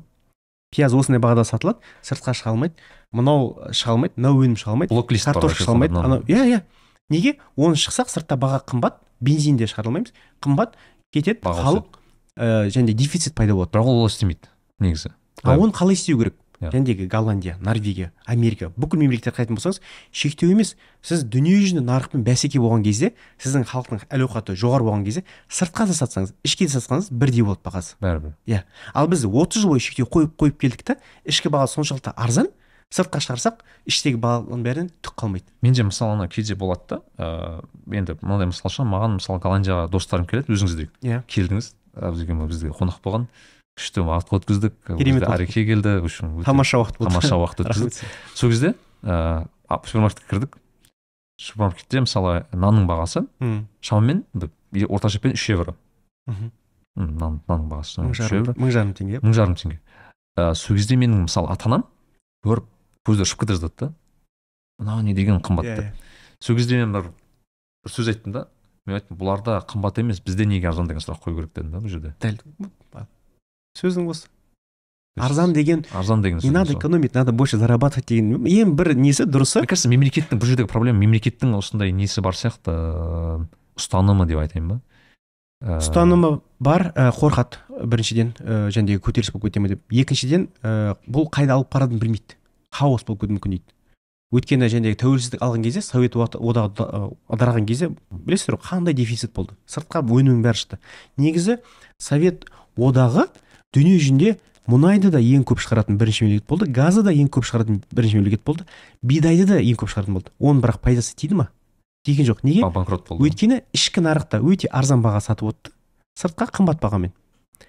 Сол иә, сыртқы баға сататын баға мұнайдың бағасы түскен кезде сырттан алатын экспорттық э, табыс азайып қалды да ыдырап кетті негізі. Бір себебі енді. Қазір қазақстанның да себебі сол да біз экспортқа шығарып отырмық белгілі өнімдерді ғана. Мұнай ал газ тағы мұнай оның бәрі шығара алмайды білесіз ба? Иә. тек қана мысалы қашаған қарашанақ теңіз ғана кен орны жүз пайыз сыртқа шығарылады мұнай экспортқа. Мгм. ал қалғанның бәрі кемінде елу пайызын ішкі нарыққа сатуға ә, не шарт. Немесе жүз пайызға дейін алып барады. Кейбіреуін сыртқа вообще сатқызбайды. Көріп отырсыз ба? ал оны сататындар мынау ең үлкен үш кен орнын басқарып отқан көбісі шетелдіктер өздері сата алады. Иә. ал біздің ішкі ә, инвесторларымыз жергілікті бай адамдарымыз то есть жәндегі кен иелері олар сыртқа шығарта алмайды. Сөйтіп өз табысынан олар ә, қорғалып отыр да. Яғни былайша тек мұнай ғана ғана емес осы агро салада да ә, сала. шектеулер ә, шектеу бәр жерде. Энергия да сол электричество қымбат сата алмайсыз бірақ дефицит болған кезде біз ресейден бұл сонда бір андай мәселе бар ма? Мысалы бір кішкене қорқақ адамның позициясы секілді бір Иә. кішкене мысалы. иә дәл сол позиция. Қорқақ дегенде былай ғой. Ыыы ну мысалы андай болады ғой бір ә, қорқақ деп айтпай ақ қояйын бірақ мысалы андай ә, мысалы ата ана болса мхм. ана соткасы беріп қоя салады да бүйтіп мысалы. Иә иә. Жыламасын деп жыламасын деп иә сол қазір проблема жәндегі француздарда бір сөз бар лезе фер дейді ғой жәндегі Иә. андай статус кво дейді немесе жәндегі тиіспе дейді Иә. да жәндегі working doesn't, иә, doesn't touch қирайын деп тұр да бір нәрсе. Иә. бірақ қираған жоқ қой. Қираған жоқ қой. Сол істеп тұра берсін дейді да. Мен басқара тұрайын. Менің көп бұл орында тұрмаймын. Министр болсам да екі үш жыл боламын ары кетсем дегендей ғой. Мен Иә. кетемін болды. Менің проблема емес. Ал бұны толықтай шешетін үлкен бір ауқымды стратегиялық бір не керек та? Бағыт керек. Енді бір мықты мықты бес он маман әртүрлі саладағы жинау керек та.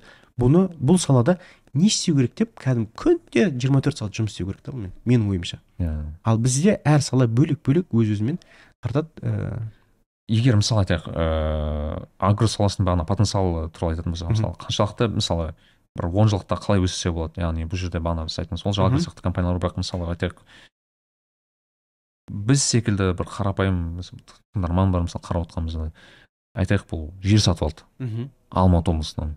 Иә. Теплица саламын дейді. Мхм. сатамын дейді тағы басқа. Мысалы осындай енді осындай деңгейдегі агро деп айтайықшы мысалы.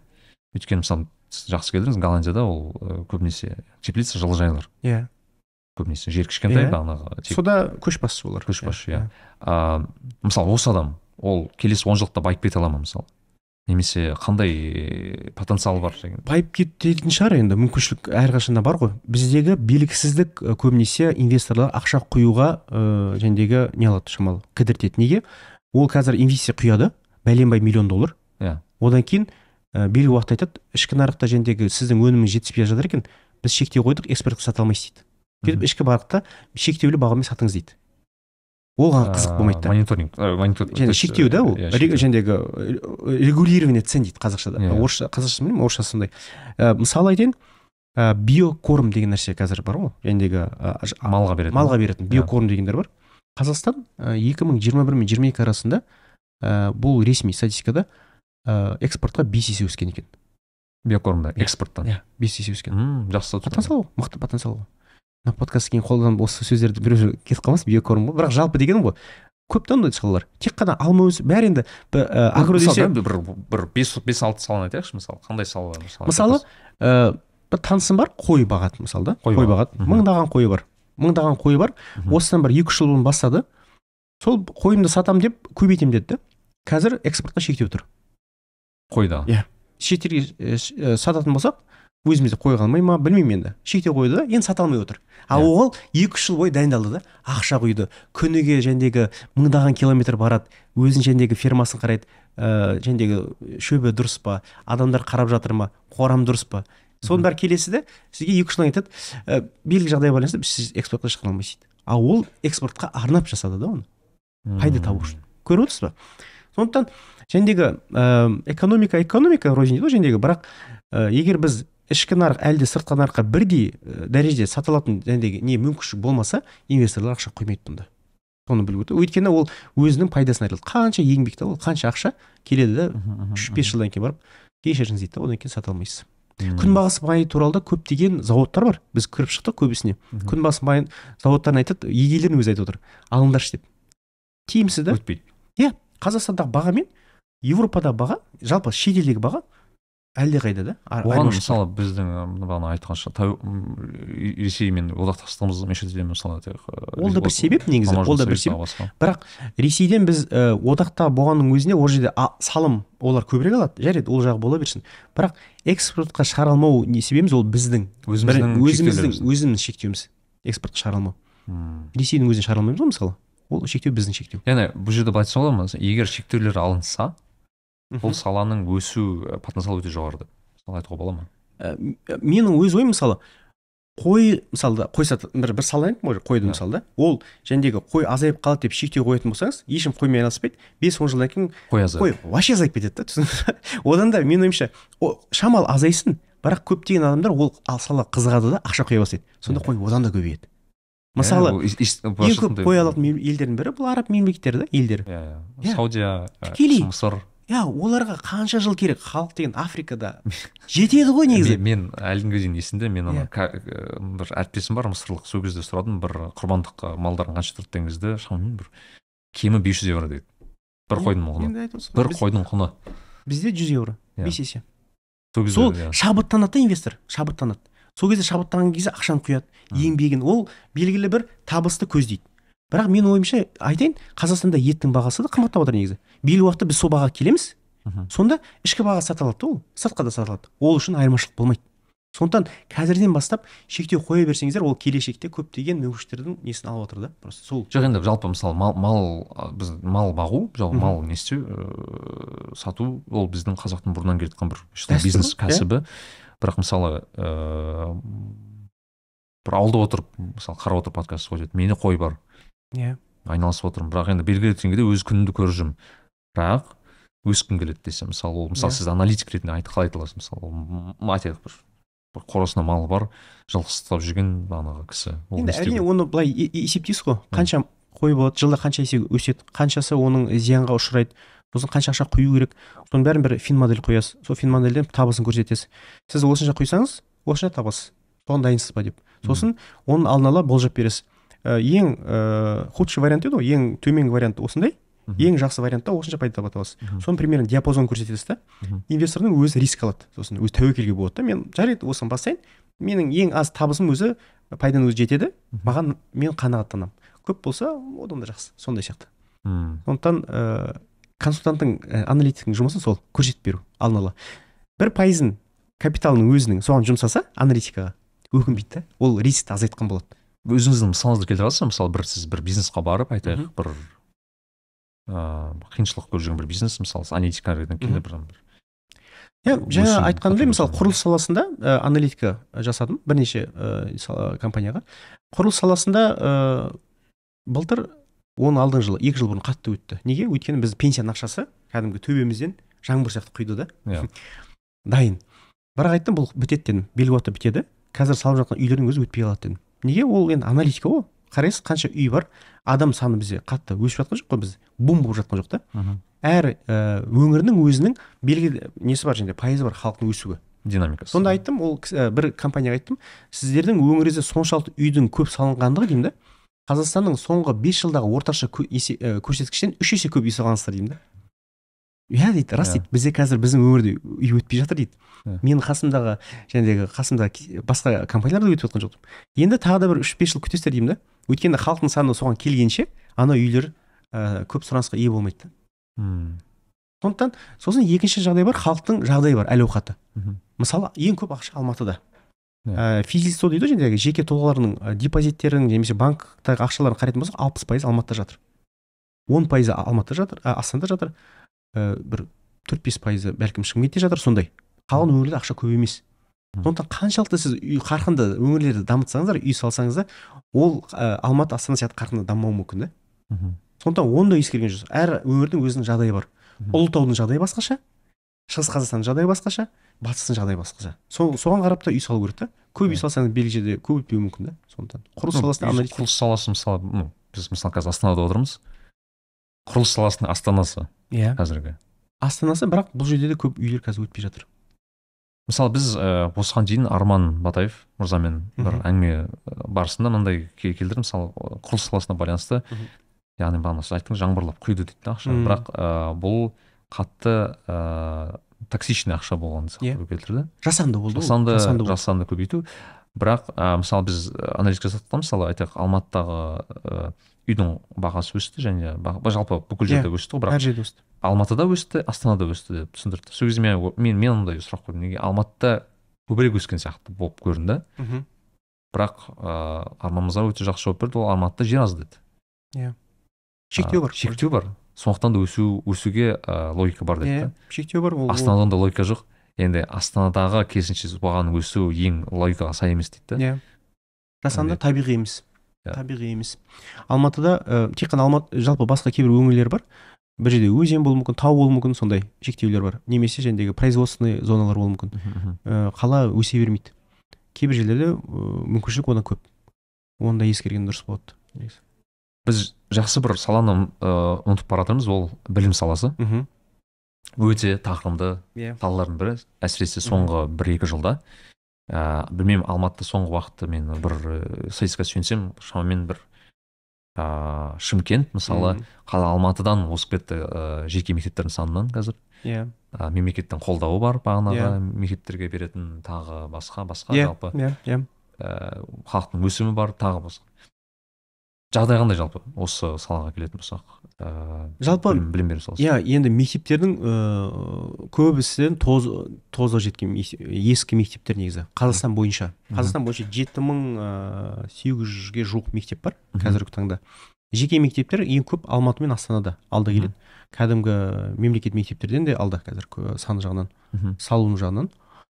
Ә, енді жалпы білімді саласын алатын болсақ ә, мектептердің жағдайы ә, қазіргі жаңалардан қарағанда ескілер мәз емес. Мхм, өйткені бұрынғы мектептерде көптеген шарттар жоқ. Ә, мектептердің егер жалпы алатын болсаңыз солтүстік жақтағы мектептердің сексен пайызы мкш дейді. Мкш деген малокомплектованный школа дейді. Мхм, малокомплектованный школа деген сөз бірнеше сынып бір класста оқи береді да. Сексен пайыз сондай. Бұл бұрыннан келе жатқан. Сонда ә, біз көбінесе астана мен алматыдан көбінесе сыртқа былай қарамаймыз да не болып жатқанын өңірлер бір қарап көрсеңіз көресіз да әжетхананың өзі қай жерде жатқанын содан көруге болады. Сондықтан бұл салада әлі көп менің ойымша өзгерістер жасау керек. Аналитика былай қарадым қарап жатырмын. Әлі де біз ә, зерттеулер жүргізіп жатырмық бұл салада айтатын нәрсе көп. Қазір комфортный жәндегі мектептер бар ғой комфортный школа дейді. Ә, сол бағытта жұмыстар жасалып жатыр. Оның алдында негізі ниш жасалды. Ниш ә, бұл ә, көшбасшы болды еді мектептердің арасында. Бірақ ә, бұл жобада менің өз ойым жер, а, біздің есебіміз бойынша нешке 26 есе ақша көп бөлінген. Басқа мектептерге қарағанда. Мхм. 26 есе көп бөлінген. Ә, яғни бұл мектептерге көп ақша бөлінді бірақ бұл мектептер өте андай аз саны аз болып қалды. Әр қалада бір бірнешеу немесе болды. И өте жоғары конкуренция. Өте жоғары конкуренция оның ақшасы бар. Әркімнің несі келе бермейді да. Ал бастапқы мақсаты бүкіл қазақстанда мектептерді ниш секілді неге көтер- стандартқа көтеру болады. Ал ол не болып қалды? бір узкий бір круг жәндегі элитарный мектеп. элитарный мектеп болып қалды да. Айырмашылық болмай қалды. Енді мысалы өзіміз келейік мысалы сіз қай мектепте оқыдыңыз? Мен ә, жай мектепті алты жасқа дейін оқыдым одан кейін лицейді бітірдім. Элитарный мектеп. Енді бізде лицейді элитарный деп айта алмайсыз өйткені ол жерде ақшасы да көп болған жоқ. Кәдімгі садик Ну, здание садик деп э, оқыдық негізі дегендей ғой иә. Білім жағынан элитарный деп айта аласыз иә. білім, білім жағынан, жағынан білім ақша жағынан. айтқан Иә, жоқ білім жағынан элитарный мемлекет. Мен мысалы тоже бітірдім алматыдағы қалалық физмат мен білмеймін тоже элитарный мемлекет деп ә, элитарный мектеп деп айта аламын. И как бы менде ә, аналитика бағана сараптау жүргізсем менде мысалы андай бір ә, түсінік пайда болды да ә, неге ә, қазақстандағы білім саласына жалпы келетін болсақ әсіресе мына мектеп саласына мектептегі білім саласына келетін болсақ бізде бір жекелеген бір аралдар бар да просто бөлінген Иә. жеке жеке аралдар бар. Мысалы айтайық бағанағы ниш деген арал бар ктл деген арал бар физмат деген арал бар. Иә. ә, тағы тағы жеке мектептер тамыз деген сияқты бөлек бөлек Иә, өте қымбатты мектептердің бөлек аралдары бар. И вот жақта мынандай бір континент жатыр да Иә. мына жерде осындай? тоқсан пайыз сонда тоқсан пайыз. Одан да көп бәлкім иә. Бұл жағдай не болды деген сол енді енді жаңа екпінмен қазір комфортный школа деп соны айтып жатыр ғой. Ә, төрт жүзге жуық мектепті саламыз қазақстан бойынша. Енді үш жүз алпыс па жетпіс па жоқ мысалы мектеп салу ол проблеманы шеше ма жалпы? Ол мектеп деген ол жалпы ә, не ғимарат қой оның? Енді ә, адамның ой өрісін ә, не дегенмен жаңа шешеді ә, енді көп нәрсе өзгертеді. Шешпейді енді өзгертеді. Иә. жаңа мектепте жаңа лабораторияның болу жаңа оргтехниканың болу жаңа және мебельдің болуы әр жаңа жәндегі технологияның болуы да ә, программное обеспечениялың болуы олар өзгертеді белгілі дәрежеге дейін. Себебі екінші ә, ең ең маңызды жағы ол ұстаз. Ұстаз. Маман маман жете ма соған соншалықты Иә, бізде ол- да бар. Көбінесе бізге мұғалім болатындар осы күнге дейін ә, грант ба- бағасы қазір көтеріліп жатыр бірақ кезінде гранттың ең төмендерінің бірі ұстаз несі болатын? Иә. ойласаңшы енді түсе алмайтын адам ұстаз болады да. Ал сіз европада ұстаз болу үшін қандай стандарттан өту керек та? Ұстаз деген ең не ғой негізі? Иә. ә, ұлы мамандықтардың бірі. Сондықтан өкінішке орай ол ә, ұстаздың біз жақсы ә, дайындамайтын болсақ ол мектептер мектеп ретінде қалады деп ойлаймын. Андай бір жақсы бір сөз бар ыыы бүкіл ә, орысша орысша сөз еді бірақ қазақша аударсам былай. Бүкіл мамандықтар адамдардан бірақ үш мамандық құдайдан деген. Мхм. Соның ішінде мұғалім мұғалім ә, сот дәрігер. дәрігер. Үш үш мамандық деді. Дұрыс айтады дұрыс айтады. Сол сырты әдемі жылтыр болса да іші толық болмаса түтін болады да. Мысалы экспо сияқты ғой мысалы біз қазір экспоның қасында тұрмыз экспо мысалы салынды екі үш миллиард ақша жұмсалды ә, қызметін атқарып жатыр.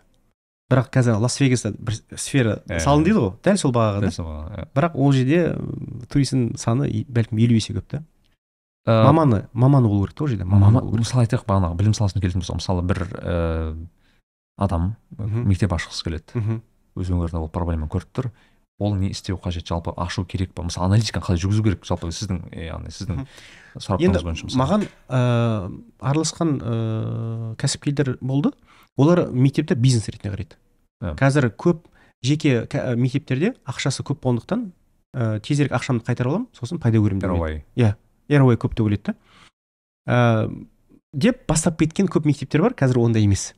Себебі неге? Қазір ә, ол жерге мұғалім тарту да қиын. Мұғалімдер бұрынғыдай айлыққа жұмыс істемейді. Қазір мұғалімдер бірін бірінен алып отыр. Өйткені мұғалім тапшы. Анау ә, мынанша ақша бермейді анау мынанша ақша бермейді. Сонымен жарыс басталып кетті да ортада. Иә. Сондықтан ол мұғалімдер тартатын болсаңыз бірден фотқа келеді ол. Сіз айлығыңыз көбейеді. Иә. сіз құйған инвестицияңыз белгілі несі ақшасы сол айлыққа кетеді. И ол көтеріле береді жылда. Ойлаңызшы. а, сондай сіз мысалы Бизнес ретінде мектепті бизнес ретінде қарасаңыз өз ойым Иә. ол көпке бармайды. Ұзақ мерзімді. Ұзаққа бармайды. Шетелдегі мықты мектептерді қарайтын болсаңыз енді мысалы англиядағы да кембриджге барсаңыз оксфордқа барсаңыз кәдімгі мектептерден бастап университетке дейін. Ол жерде белгілі бір дәстүр қалыптасқан да білім ошағы дейді ғой. Адамдарға және сүйсініп білімді үйрету және голландияны мысал бердіңіз да. Ол тарихи келе жатқан мектептерде гарвард және бәрі. Олардағы мақсат жәндегі бәлкім белгілі бір коммерческий жағы бар бірақ ең басты мақсат білім ошағы да адамдарды сүйсіндіру білімге. Ал бізде бизнес ретінде қарайтын болсаң көпке бармайды деп ойлаймын. сонда былай айтсақ болады ма? Мысалы қазір ә, бизнес бум болып жатыр ғой мектеп ашу деген. Бұл болып жатыр бірақ әркім ашқан сайын сол жерде пирогтың ә, және пайдасы азайып отыр. Жоқ сонда бұл уақытша пирог уақытша бум болып тұр ғой яғни сіздің айтуыңызша иә уақытша. Ол қанша уақытқа созылады деп ойлайсыз? Қанша уақыт емес қазірдің өзінде ашқан адамдардың өзі уже уже беті қайтып отыр қазір мектеп ашудан. Жеке жеке мектеп ашу қатты тиімді емес негізі. Сонда ол ә, мемлекеттің негізгі оңай емес деген ғой жалпы? Оңай емес сосын оны ә, белгілі бір коммерцияға кіргізу де өте оңай емес. Ол уақыт талап етеді. Ол сабыр талап етеді. Оны а мысалы ә, ана доп образовательный центрлар ғой мысалы? Олар енді енді олар енді қазіргі моментті қолдану арқылы көбірек табыс тауып жатыр. Мысалы тестовый центрлер ашады жәндегі даярлық топтарын ашады. Олар кружоктар ашады. Нишқа иә олар белгілі бір с- не бар да? Спрос бар. Жәндегі сұраныс бар. Соны толықтау арқылы оларда қазіргі нарықта жеткіліксіз. Сондықтан олар өздерінің пайдасын көріп отыр. Бірақ ол да белгілі уақытта жетеді өз несіне тойымына. Содан кейін барып кім сапалы жасайды солар қалады. Яғни ә, нарық өз деген алады иә соның әрине өзін алады нарық. Бұл жерде шектеу қоймау керек. Ә, білім саласында осы нарықты ары қарай жалғастыра берсе жақсы болады. Себебі бұл жерде ең бір бәсекелестіктің арқасында бәсекелестің арқасында сапалылар қалады да. сапалы иә. ал бизнес деп тұра берсін деп жаңағы ресторан сияқты ғой. Ресторан бизнесінде көбісі ыыы алты айда жабады ғой негізі сексен сексен пайызы алты айда уже белгілі болады. Жүре ма жүрмей ма сонда айтамын бизнес көбінесе ресторанда былай ойлайды да мен көп ақшам бар бір жүз екі жүз миллион ақшам бар. Қазір құяш ресторан ашамын онда да пайда келсін дейді да. А ресторан ондай емес қой. Ресторан ы, ішіне кіру керек. Ең басты мәселе ресторанда повар мысалы. Ә, адам келген кезде тамақтың дәмін ішкің келеді иә. Иә тамақтың дәмін ішкің келеді повармен ұрысып қалдыңыз ба келесі күні тамақтың дәмі басқаша болады. Одан кейін қайтып келмейді. Иә иә. Сол секілді білім ошағында да адамдар мұғалімге келеді. Мгм. білімге келеді. Мұғалімді сүйсініп және жақсы көру арқылы келеді. Ал сіз тек қана ақша ретінде бизнес ретінде қарайтын болсаңыз сапасы төмен болатын болса оның баласы неге береді? Сізден сұраныс болады ғой. Үш миллион бес миллион беремін мен жыл сайын балама. Ә, нәтижесі басқалардан төмен. Онда мен басқа алып кетеді. Сөйтіп балаларын алып кете бастайды. Бұл оңай емес. Жалпы. Иә иә. Сіз сол саланың маманы болсаңыз ашыңыз. Ал егер ол саланың маманы емес тек бизнес ретінде немесе серіктес болыңыз сол саланың маманымен жақсы бір маман тауып иә тауып алыңыз да бірге істеңіз иә. Сондықтан өте жақсы ә, талдау болды. Менің ойымша бұл бизнес қылмайсыз енді былай айтайықшы абзал мырза мысалы сіз өзіңіз грант туралы бір айтып өтсем де болады. Иә жақсы. Грант туралы бізде қазір және де грант көп бөлінеді деп ойлаймын. Себебі балалар бос қалмасын деген мақсатта деп ойлаймын. жетпіс бес пайыз бітірген ыыы оқушылар түседі. Грант алады. Түспей енді грант алады. А, мен турцияда есімде он пайыз ғана алатын иә қалғандары келесі жылға қалады. Немесе жәндегі профориентация басқа бір ә, яғни бізде мемлекеттің ә, білім гранттарының саны тым көп деп ойлайсыз ба менің ойымша тым көп деп ойлаймын олар біткен кезде диплом ретінде қалады да бірақ ол төрт бес жыл бойы өзінің ыыы стипендиямен өзін қамтамасыз етеді да ол андай емес сияқты болып көрінбей ме сізге мысалы мемлекеттің бағанағы жұмыссыздықты алдын алу бір Иә. мен сол деп ойлаймын. инструменттердің бірі Иә. яғни жетпіс және де жетпіс бес емес мысалы жиырма бес пайыз беретін болса жетпіс бес пайыз қайда кетеді? Немен мен оларды шұғылдандырамын дейді да бәлкім. Сол үшін оқыта береді иә статус болсын студент деген. Мен бір университетте оқып жатырмын деген сол бір үшін PhD-лар көп дейді ғой бізде. Ол да бар. Сол үшін бәлкім. не көп ғалым көп деп. Ғалым көп бірақ иә ол PhD-лердің қаншалықты дүниежүзінде ыыы сұранысқа стандарттарына сәйкес немесе ие да сұранысқа ол да бар. Мен қателеспесем бір ыыы, мынандай әңгіме болған еді. Мысалы айтады бір кісі жапондықтар ма? Келген қазақстанға сол кезде қанша университеттерің бар деген кезде қателеспесем жүз қырық па? Иә. жүз қырық үш немесе жүз қырықтың шамасында университет бар деген кезде жапондықтар қарап сендерге біз қажет емес екенбіз ғой деп айтқан сөз дейді да яғни соншалықты Иә. университет адам басына шаққанда бізде ә, жоғары университеттің саны негізі. Жабылу керек па олар? Деп ойлайсыз ба? Менің ойымша бұл жерде ашық нарық болу керек. Біздің университеттердің көбінесе мемлекеттен грант алу, алу арқылы сосын жәндегі фонд және наука дейді жәндегі грант береді ғой неше түрлі зерттеулерге. Сол арқылы университеттер өздерінің өмірлерін ең ә, жалғастырып отыр деп ойлаймын. Ал егер оны ашық нарықта қалдыратын болсаңыз әркім өзін таңдайтын болса университеттің өзінің жәндегі ә, коммерция бағытында жәндегі фонд дейді ғой жәндегі өздерінің жәндегі донейшн дейді ғой жәндегі фаундейшн жәндегі мысалы гарвардта елу бес миллиард доллар ма сондай Иә, иә. бар сондай со- сондай секілді ашық нарықта болатын болса меніңше көп университет ыыы жалғастырмайтын сияқты өз несін қазір оны мемлекет ұстап отыр грант беру арқылы. Мұнайдың ақшасына. Мұнай ақшасы келеді одан жаңа трансфер жасайды бюджетке келеді бюджеттен ыыы университеттерге береді солай.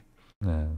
сөйтіп бірін бірінен жаңа таласады университетте. замкнутый круг қой былай қарасаң замкнутый круг сол үшін бұл да нарыққа көшу керек қой сапалы. Санға емес сапалы сапаға көшу керек та. Сапаға көш- көшудің бір жолы сіз одан грант азайтсаңыз онда университет арасында бәсеке пайда болады. Иә. мен алғым келеді мен алғым келеді. Онда кім достоин? Қай студенттер қай университетке барғысы келеді? Бірақ енді көріп отырсыз ба гранттың соншалықты көп болғаны гранттың да қадір қалған жоқ мен мына мына мына мәселені қозғағым келген сіздің жеке мамандығыңызға байланысты сіз аналитиксіз яғни сараптаушы мамансыз бизнестерді сараптайсыз тағы басқа мысалы түрлі кәсіптер бар. Мхм. Бағанағы ең оңай кәсіптерден бастап донер бағанағы бургерный ашатын немесе бағанағы көшеде тамақ сататын ыыы мебель шығаратын тағы басқа түрлі ма- мамандықтар Иә, иә. сарап нелер бар бірақ сіз өзіңіз айттыңыз біраз адамдар өзінің қаражатын сараптамаға ә, бағанағы бөлгісі келмейді Иә. зерттегісі келмейді бірнеше ә, бір жерден бірнеше точка аша салады бағанағы бір Иә, біріне иә. конкуренция там таласады деген та- тағы басқа жалпы енді осы кәсіпкерді алатын болсақ мысалы есеп көрейік бір кәсіпкер бар ол бағанағы бір белгілі бір бизнесті айналып айналысып жатыр. Бірақ сараптама жасағысы келеді. Вот.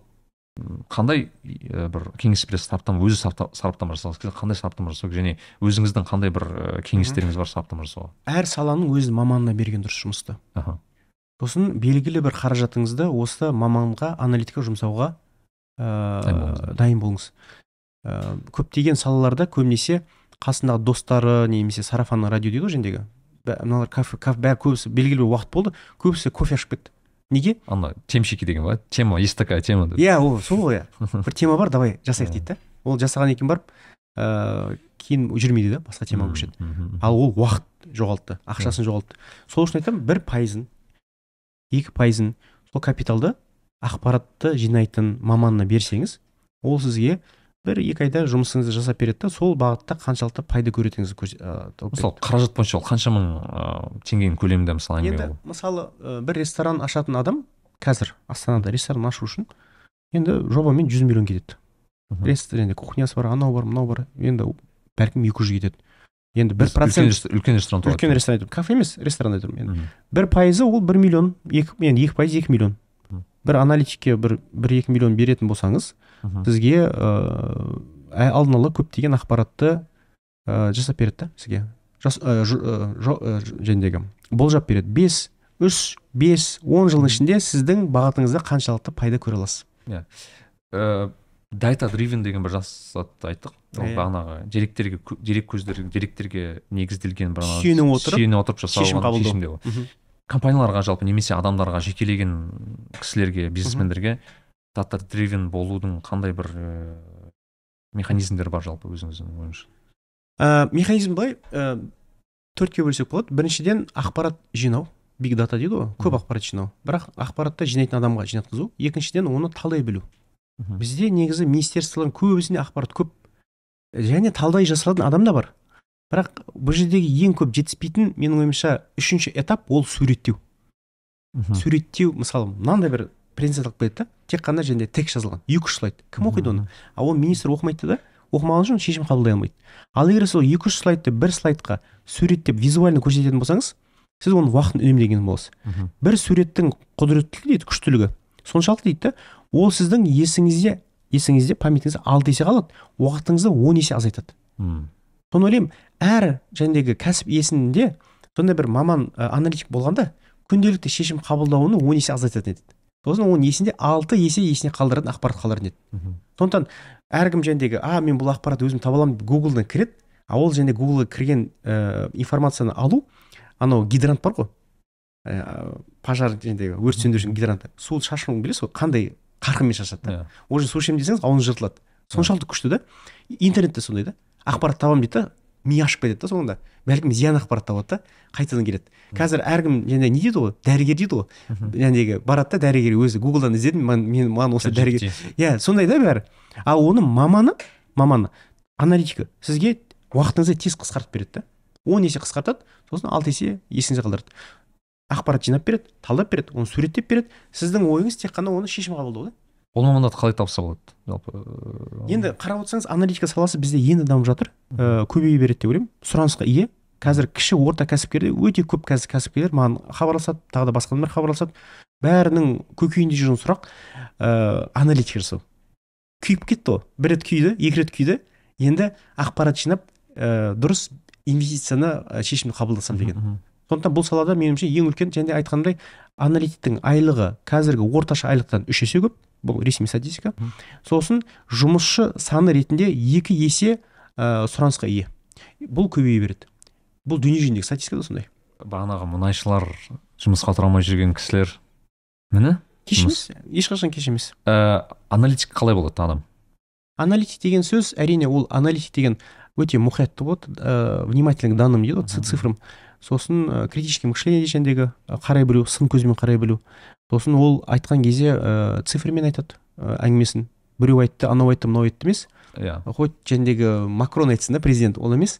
Цифрмен айту да. Иә белгілі бір ә, дәлелденген сенімді ақпарат көздеріне жүгіне отырып өзінің талдауын жасайды.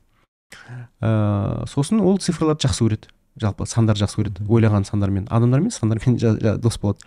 Сондықтан бәлкім әркімде ол аналитика қабілеті болу бәлкім ә, бола бермейді ол шарт емес. Себебі ә, бәрі бес саусақ бірдей жаратпаған ғой. Әркімнің өзінің несі бар жәндегі бағыты бар. Оны галлоп тесттен де ә, анықтауға болады. Галлоп тестте жәндегі жасыл не бар ғой жәндегі стратегик стратегия жақта аналитика инпут лернер және көптеген контекст соларға қарап отырып адамның аналитика қаншалықты мықты екенін сол жерден де көруге болады. Бір ол не енді? Бір мысал. Сондықтан бірнеше тесттер бар. Адам өзін ә, аналитика жағында потенциалын көріп отырса сол жағын дамыту керек деп ойлаймын. Мысалы бір адам өзінің бағанағы белгілі қасиеттерін тапты жасыл бағана галлоптың жасыл жағын жанып тұр. Иә ол ол салада ол не істеу керек? Ол менің өз ойым ә, аналитика жұмыс істейтін компанияларда жұмысқа тұру керек. Ә, стажер болса да тұру керек. А ол қандай компаниялар? Яғни тәжірибе жинау биг фор компаниялары ма? Әлде биг фор болуы мүмкін аудиторлар болуы мүмкін IT компаниясы болуы бүкіл компанияларда және аналитика бағытында жұмыс істейтін ә, не болады? Департамент өзінде немесе сала болады. Сол салада ә, тәжірибе жинау керек. Ақшасы аз болсын көп емес тәжірибе маңызды. Тәжірибе жинаған сайын ол белгілі уақытта ол өз өзін ақтайды. Бізде көбінесе жәндегі мынандай университет бітірдім мынандай маған айлықта мынандай жұмыс болмаса істемеймін дейді. мысалы жақсы аналитик пен жаман аналитиктің айырмашылығы қандай? Мысалы сіз қалай білесіз? Мысалы сіз өзіңіз енді кәсіп кәсіп кәсіп ретінде мысалы қалай қалай жақсы маманнан аналитик көбінесе ә, жақсы аналитик ә, сол мәселенің жақсы мен жаман жағын айтады бірден. Иә. Ә, жан жақты зерттейді. Ә, ал ә, сапасыз аналитиктер бір ұстанымда болып соны дәлелдеуге тырысады. Мхм. Осы бағыт дұрыс деп. Тек қана көбінесе аналитик аналитик жалпы дұрыс бұрыс деген зат айтамын немесе ол осылай жағдай осы деп айтамын жалпы. Қандай аналитик сіздің сол бағыттағы ә, плюс мен минустарын айтады сіз шешім қабылдайтын адам боласыз. Ортадағы а окей. Ол аналитик деген сөз сын көзбен қарайды критический мышление дейді. Иә. Ә, бүкіл салада плюс минус бар. Мгм. ешқандай сала жоқ және тек қана плюс бар деген сөз. Аналитик соны жан жақты зерттеу арқылы сізге шығарып береді. Ресторан ашсаңыз сіздің поварыңызға риск болады. Анау риск бар мынау риск бар. Бірақ пайдасы мынандай бірақ сіз мына локацияда ашсаңыз көбірек пайдаңыз болады деген сияқты ұсыныстарды айтады. Иә бүкіл сіздің былайша айтқанда пайдаңыз- рисктардың рисктарыңызды ә, азайта ал- аза- азайтады ғой иә иә бәрін шығарып береді да оларды азайту жолын да көрсетіп береді аналитик. Күшті. Жасырмайды. Иә. Қазір бір жасанды интеллект туралы ә, жиі қозғалады. Аналитиктер жалпы оны қалай қолданады? Мысалы сіз қолданасыз ба чат gpt бағанағы ai тағы Ә, мен чат gptді қолдандым оның ақылы ә, несінде қолдандым? Ә, приложениесінде ғой жаңағыдегі Премиум ақша иә былай ә, Мгм. тест көрдім бірнеше рет қолдандым. Ә, негізі белгілі дәрежеде ол өзінің қызметін атқарады. Көптеген мысалы хат жазатын болсаң ойларыңды жібересің да саған дайындап береді. Өте әдеби тілмен жәнегі тіліңде бірақ ә, аналитика жасау үшін чат gpt-дің күші жеткіліксіз. Неге? Ол өткені өткен шаққа қарайды. Ал аналитик ол болжай алатын адам. чат gpt-дің тағы тарихы 2021 деп бітеді ма сондай? Ол 2022 мен Ну, 23-дегі соңғысы уже как бы өзгеріп жатыр. Иә өзгеріп жатыр. Жалпы ә, аналитиктің жұмысы жәндегі контекстке көп шұғылданбау керек та. Өйткені әрқашанда бір мәселе қайталана бермейді. Тарихта. Ал сіз егер тарихта осылай болды дәл солай болады деп анализ жасайтын болсаңыз ол анализ болады аналитика болмайды. Аналитика ол сізді өткен шақта қарай отырып болашақта болжайды бірақ дәл сондай емес белгілі бір өзгерістер арқылы болжай алады. Ә, өздерінің нюанстарымен жасап Иә. бере алады. Ол статист емес та. Иә, иә. тарихты жинап жинап отырады да қалай болды солай айта салады ол кәдімгідей болжап стратегический визионер да ол? ол көреді келешекті. Ол ә, ақпаратты қолдану арқылы бұны мен не үшін қолданып келешекте неге жеткім келеді екенін негізі визионер деген ә, бір қасиет ол көбіне компания бастықтарының бір SEO Иә. солардың негізі бір ең үлкен аналитик компания компания адам ғой. иә. Иә. Иә. ең үлкен аналитик сол ғой. Яғни сіз егер компания бастығы болса аналитика болмаса онда аналитик каналды жалдау керексіз. Иә бірақ ең үлкен аналитик емес ең үлкен бизнес аналитик. Өйткені ол аналитиканы бизнеске айналдырылады Себебі кейбір аналиттер бар жақсы көреді аналитик жасайды жасайды сонымен қалып кетуі мүмкін да. Иә. ондай адам көп. Ал кейбір адамдар ол жерде мүмкіншілік көреді да предприимчивый дейді ғой жаңағыдегі кәсіп. Ол жерден пайданы көреді. Бір мынандай ақпаратқа ә, тоқталсақ. Қандай кітаптар немесе қандай ресурстар оқу арқылы аналитикалық Мм. ойлау жүйесін Дамытуға болады иә. кітапта кітап деген көп негізі. Мм, ә, дәл қандай кітап екен ә, айтуым қиын шыны керек. Өйткені культура аналитик деген кітап бар жәндегі ә, орысша аударылған. Ағылшынша кітап негізі.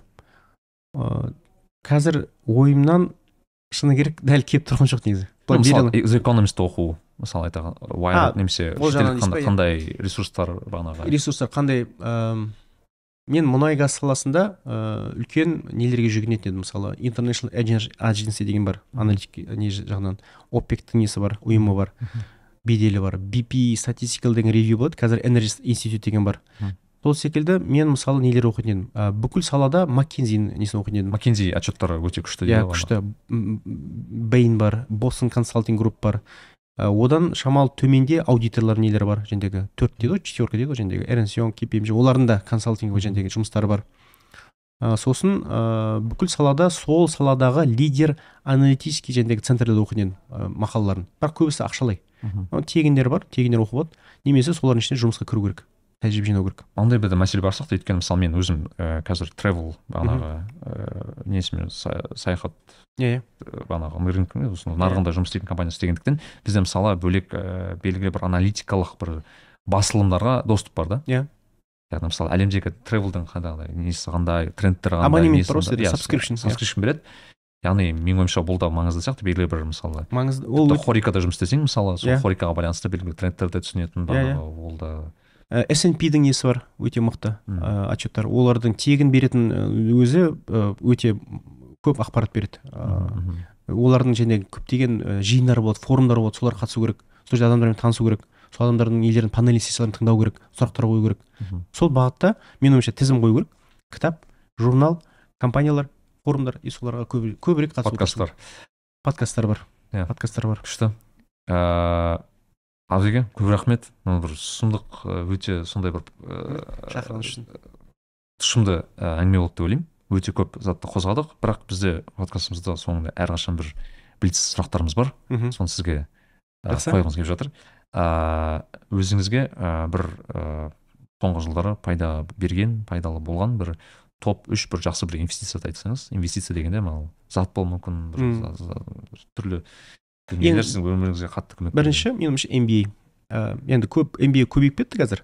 Бірақ MBA-дің тек білім үшін емес MBA-дің ә, адамдармен басқа салаларда араласуға нетворкингке пайдасы бар. Ә, ең үлкен пайдасы. Жал- гарвардтың өзі нетворкинг үшін оқиды оқиды дейді ғой. Мгм. менің ойымша MBA ә, немесе және білім саласында өзіңізді дамытып отыру. MBA болсын немесе сол секілді ә, бағытта өзіңізді жұмыс істеу.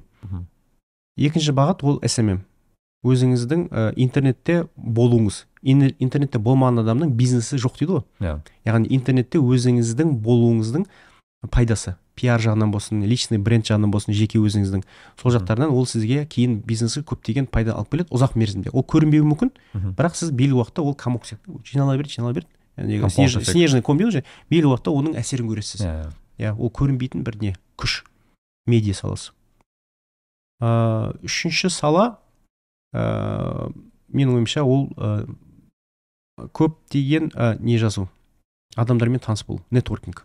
Осы үш, үш менің ойымша адам неғұрлым көп салада адамдармен таныс болсаңыз белгілі уақытта сол адамдармен сіз бәрібір келіп танысасыз олардың белгілі бір бәлкім жұмыстарын атқарасыз бірге бәлкім. Күшті керемет. Өте жақсы ыыы жауап болды деп ойлаймын. Жеке өзіңізге аналитик ретінде сұрақ мүмкін топ үш келесі айтайық он жылдықта қазақстанда ең қа- қарқынды дамитын бір экономикалық ыыы, бір ыыы, Бағыт. бағыттар деп айтайық. Менің ойымша бірінші бағыт және де айтқанымдай ең үлкен потенциал бар агро бағыты. Мхм. Сол бағытта екінші бағыт біздің мұнай газ саласын саламыз бәрібір де ол үлкен ә, бағыттардың бірі болып қала береді. Бірақ бұл жерде менің ойымша өнімнің жәндегі ә, не дейді ғой ә, конечный жәндегі потребитель жәндегі өнімнің бағасы құны артады. Біз шикізат ретінде емес оны бәлкім өңдеу арқылы ә, басқа да тауарлар шығару арқылы ә, құнын көтереміз. Мгм. сол салада көбірек ә, меніңше бағыт бөлген дұрыс деп ойлаймын. Үшінші бағыт менің өз ойым ол ә, ол ең үлкен бағыттардың бірі білім саласы. Білім саласы әрқашанда өзінің сұранысына ие болады. Қазақстанда бұл салада менің ойымша көптеген елдердің алдында негізі. Енді бұл басы қадам. ғана деп ойлайсыз ба?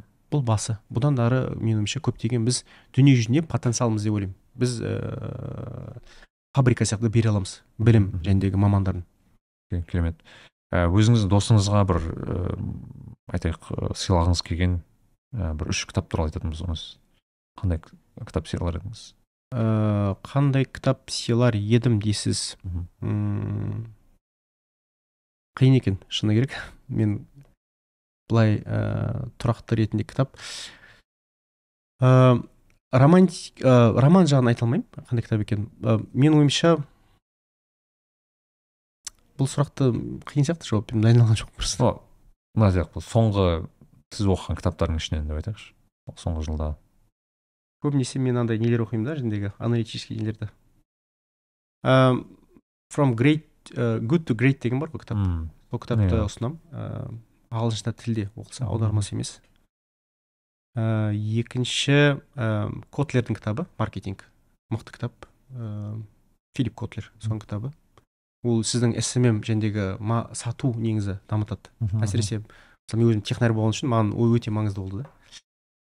Үшінші кітапты ә, қандай кітап айта аламын принцип 80-20 деген бар жиырма сексен деген. Паретто Паретто. паретто иә ол сол кітапты ұсынамын. Үшеуі де керемет кітаптар. Негізі үшеуімен де білмеймін, таныс болған сияқтымын. Кезінде оқыған секілдімін үшеуінде ә, өте күшті ұсыныстар. Енді бізде ә, осы подкастқа бүгінгі соңғы сұрағы ол ә, мынандай болмақ. Ол кішкене сіздің ә, бағанағы imagination қосу керек кішкене. Ә, бір осы астана қаласында айтайық ә, экспоның эксподан да үлкен бір бір баннер бар. Мхм. Ол сіздікі. Кез келген бағанағы сурет жазу кез келген зат қоя аласыз. Бір қандай бір бір месседж қояр едіңіз сол жерге? Қандай бір ә, сөз текст немесе қандай бір дүние қояр едіңіз мхм. Шешім қабылдамас үшін ә, ойлануды ізденуді алдын ала ә, жеті рет өлшеп бір рет кес дейді ғой. Соны, мақалды қоя едіңіз? соны, соны қояр едім. Иә. Ә, яғни алдындағы неңді ә, аңдамай басқан не дейді енді аха. Аңдамай айтқан ауырмай өледі. Алдын ала ойланып ә, іс әрекет жасау ыыы сосын ойланып сөйлеу. Ыыы өйткені сіздің сөзіңізбен бағалайды адамдар.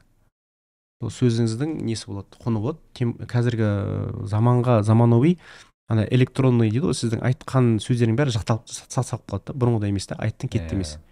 қанша жәндегі айтқан сөзіңізде интернет все помнит дейді иә бәрін иә ол не да қалады. Өмір бақи қалып кетеді. Соған өте маңыз беру. Мхм. үшінші менің ойымша үшінші ол ең бірінші маңызды мәселе. Өзіңіздің жақындарыңызға көбірек көңіл бөлу. Мхм. Жақындарыңыз әйеліңіз болсын ата анаңыз болсын балаңыз болсын олардың жағдайына тәрбиесіне көбірек көңіл бөлу. Себебі бұл өмір тек жұмыстан немесе бизнестен немесе ә, жәндегі тек развлечениемен ә, не алмайды. Ә, маңызды ә, маңызды алды емес. Ең маңызды ол сіздің жақындарыңыздың бақыты сіздің жақындарыңыз неғұрлым бақыты артқан сайын сіздің бақытыңыз одан да қатты артады. Иә, менің өз иә. ойым осы мхм. иә осыған бір күшті мүмкін визуалдар қоюға болатын еді. Сондай. Сондықтан да көп рахмет достар. Бүгін Иә, бізде қонақта абзал нарымбетов бизнес аналитик. Ә, абзеке көп рахмет. Ә, бұл сондай бір керемет рахмет. иә. Иә алдағы уақытта бұл тек қана біздің соңғы емес алдағы уақытта да көптеген қызық қызық осындай аналитикалық Иә. подкасттар жазамыз сондай бір жаңа бағыт бізде аналитика жасаймыз. Бүгін мүмкін бұрынғыдан ерекше подкаст бірақ та біз қаншама тың ыыы ақпарат ала алдық. иә. сосын алла разы болсын. Ал сіздерге мен айтарым көп рахмет. Сіздерге де жазылыңыздар біздің біздің аналитиканы көбейту үшін бізге канал жазылыңыздар ыыы абзал мырзаның да керемет ыыы парақшалары бар. Иә, ә, телеграм каналдары бар. Бағанағы инстаграм парақшаға жазылып қойыңыздар. Бізді де ұмытпаңыздар. Сондықтан көп рахмет. Кездескенше күн жақсы деп айтайын. já tá.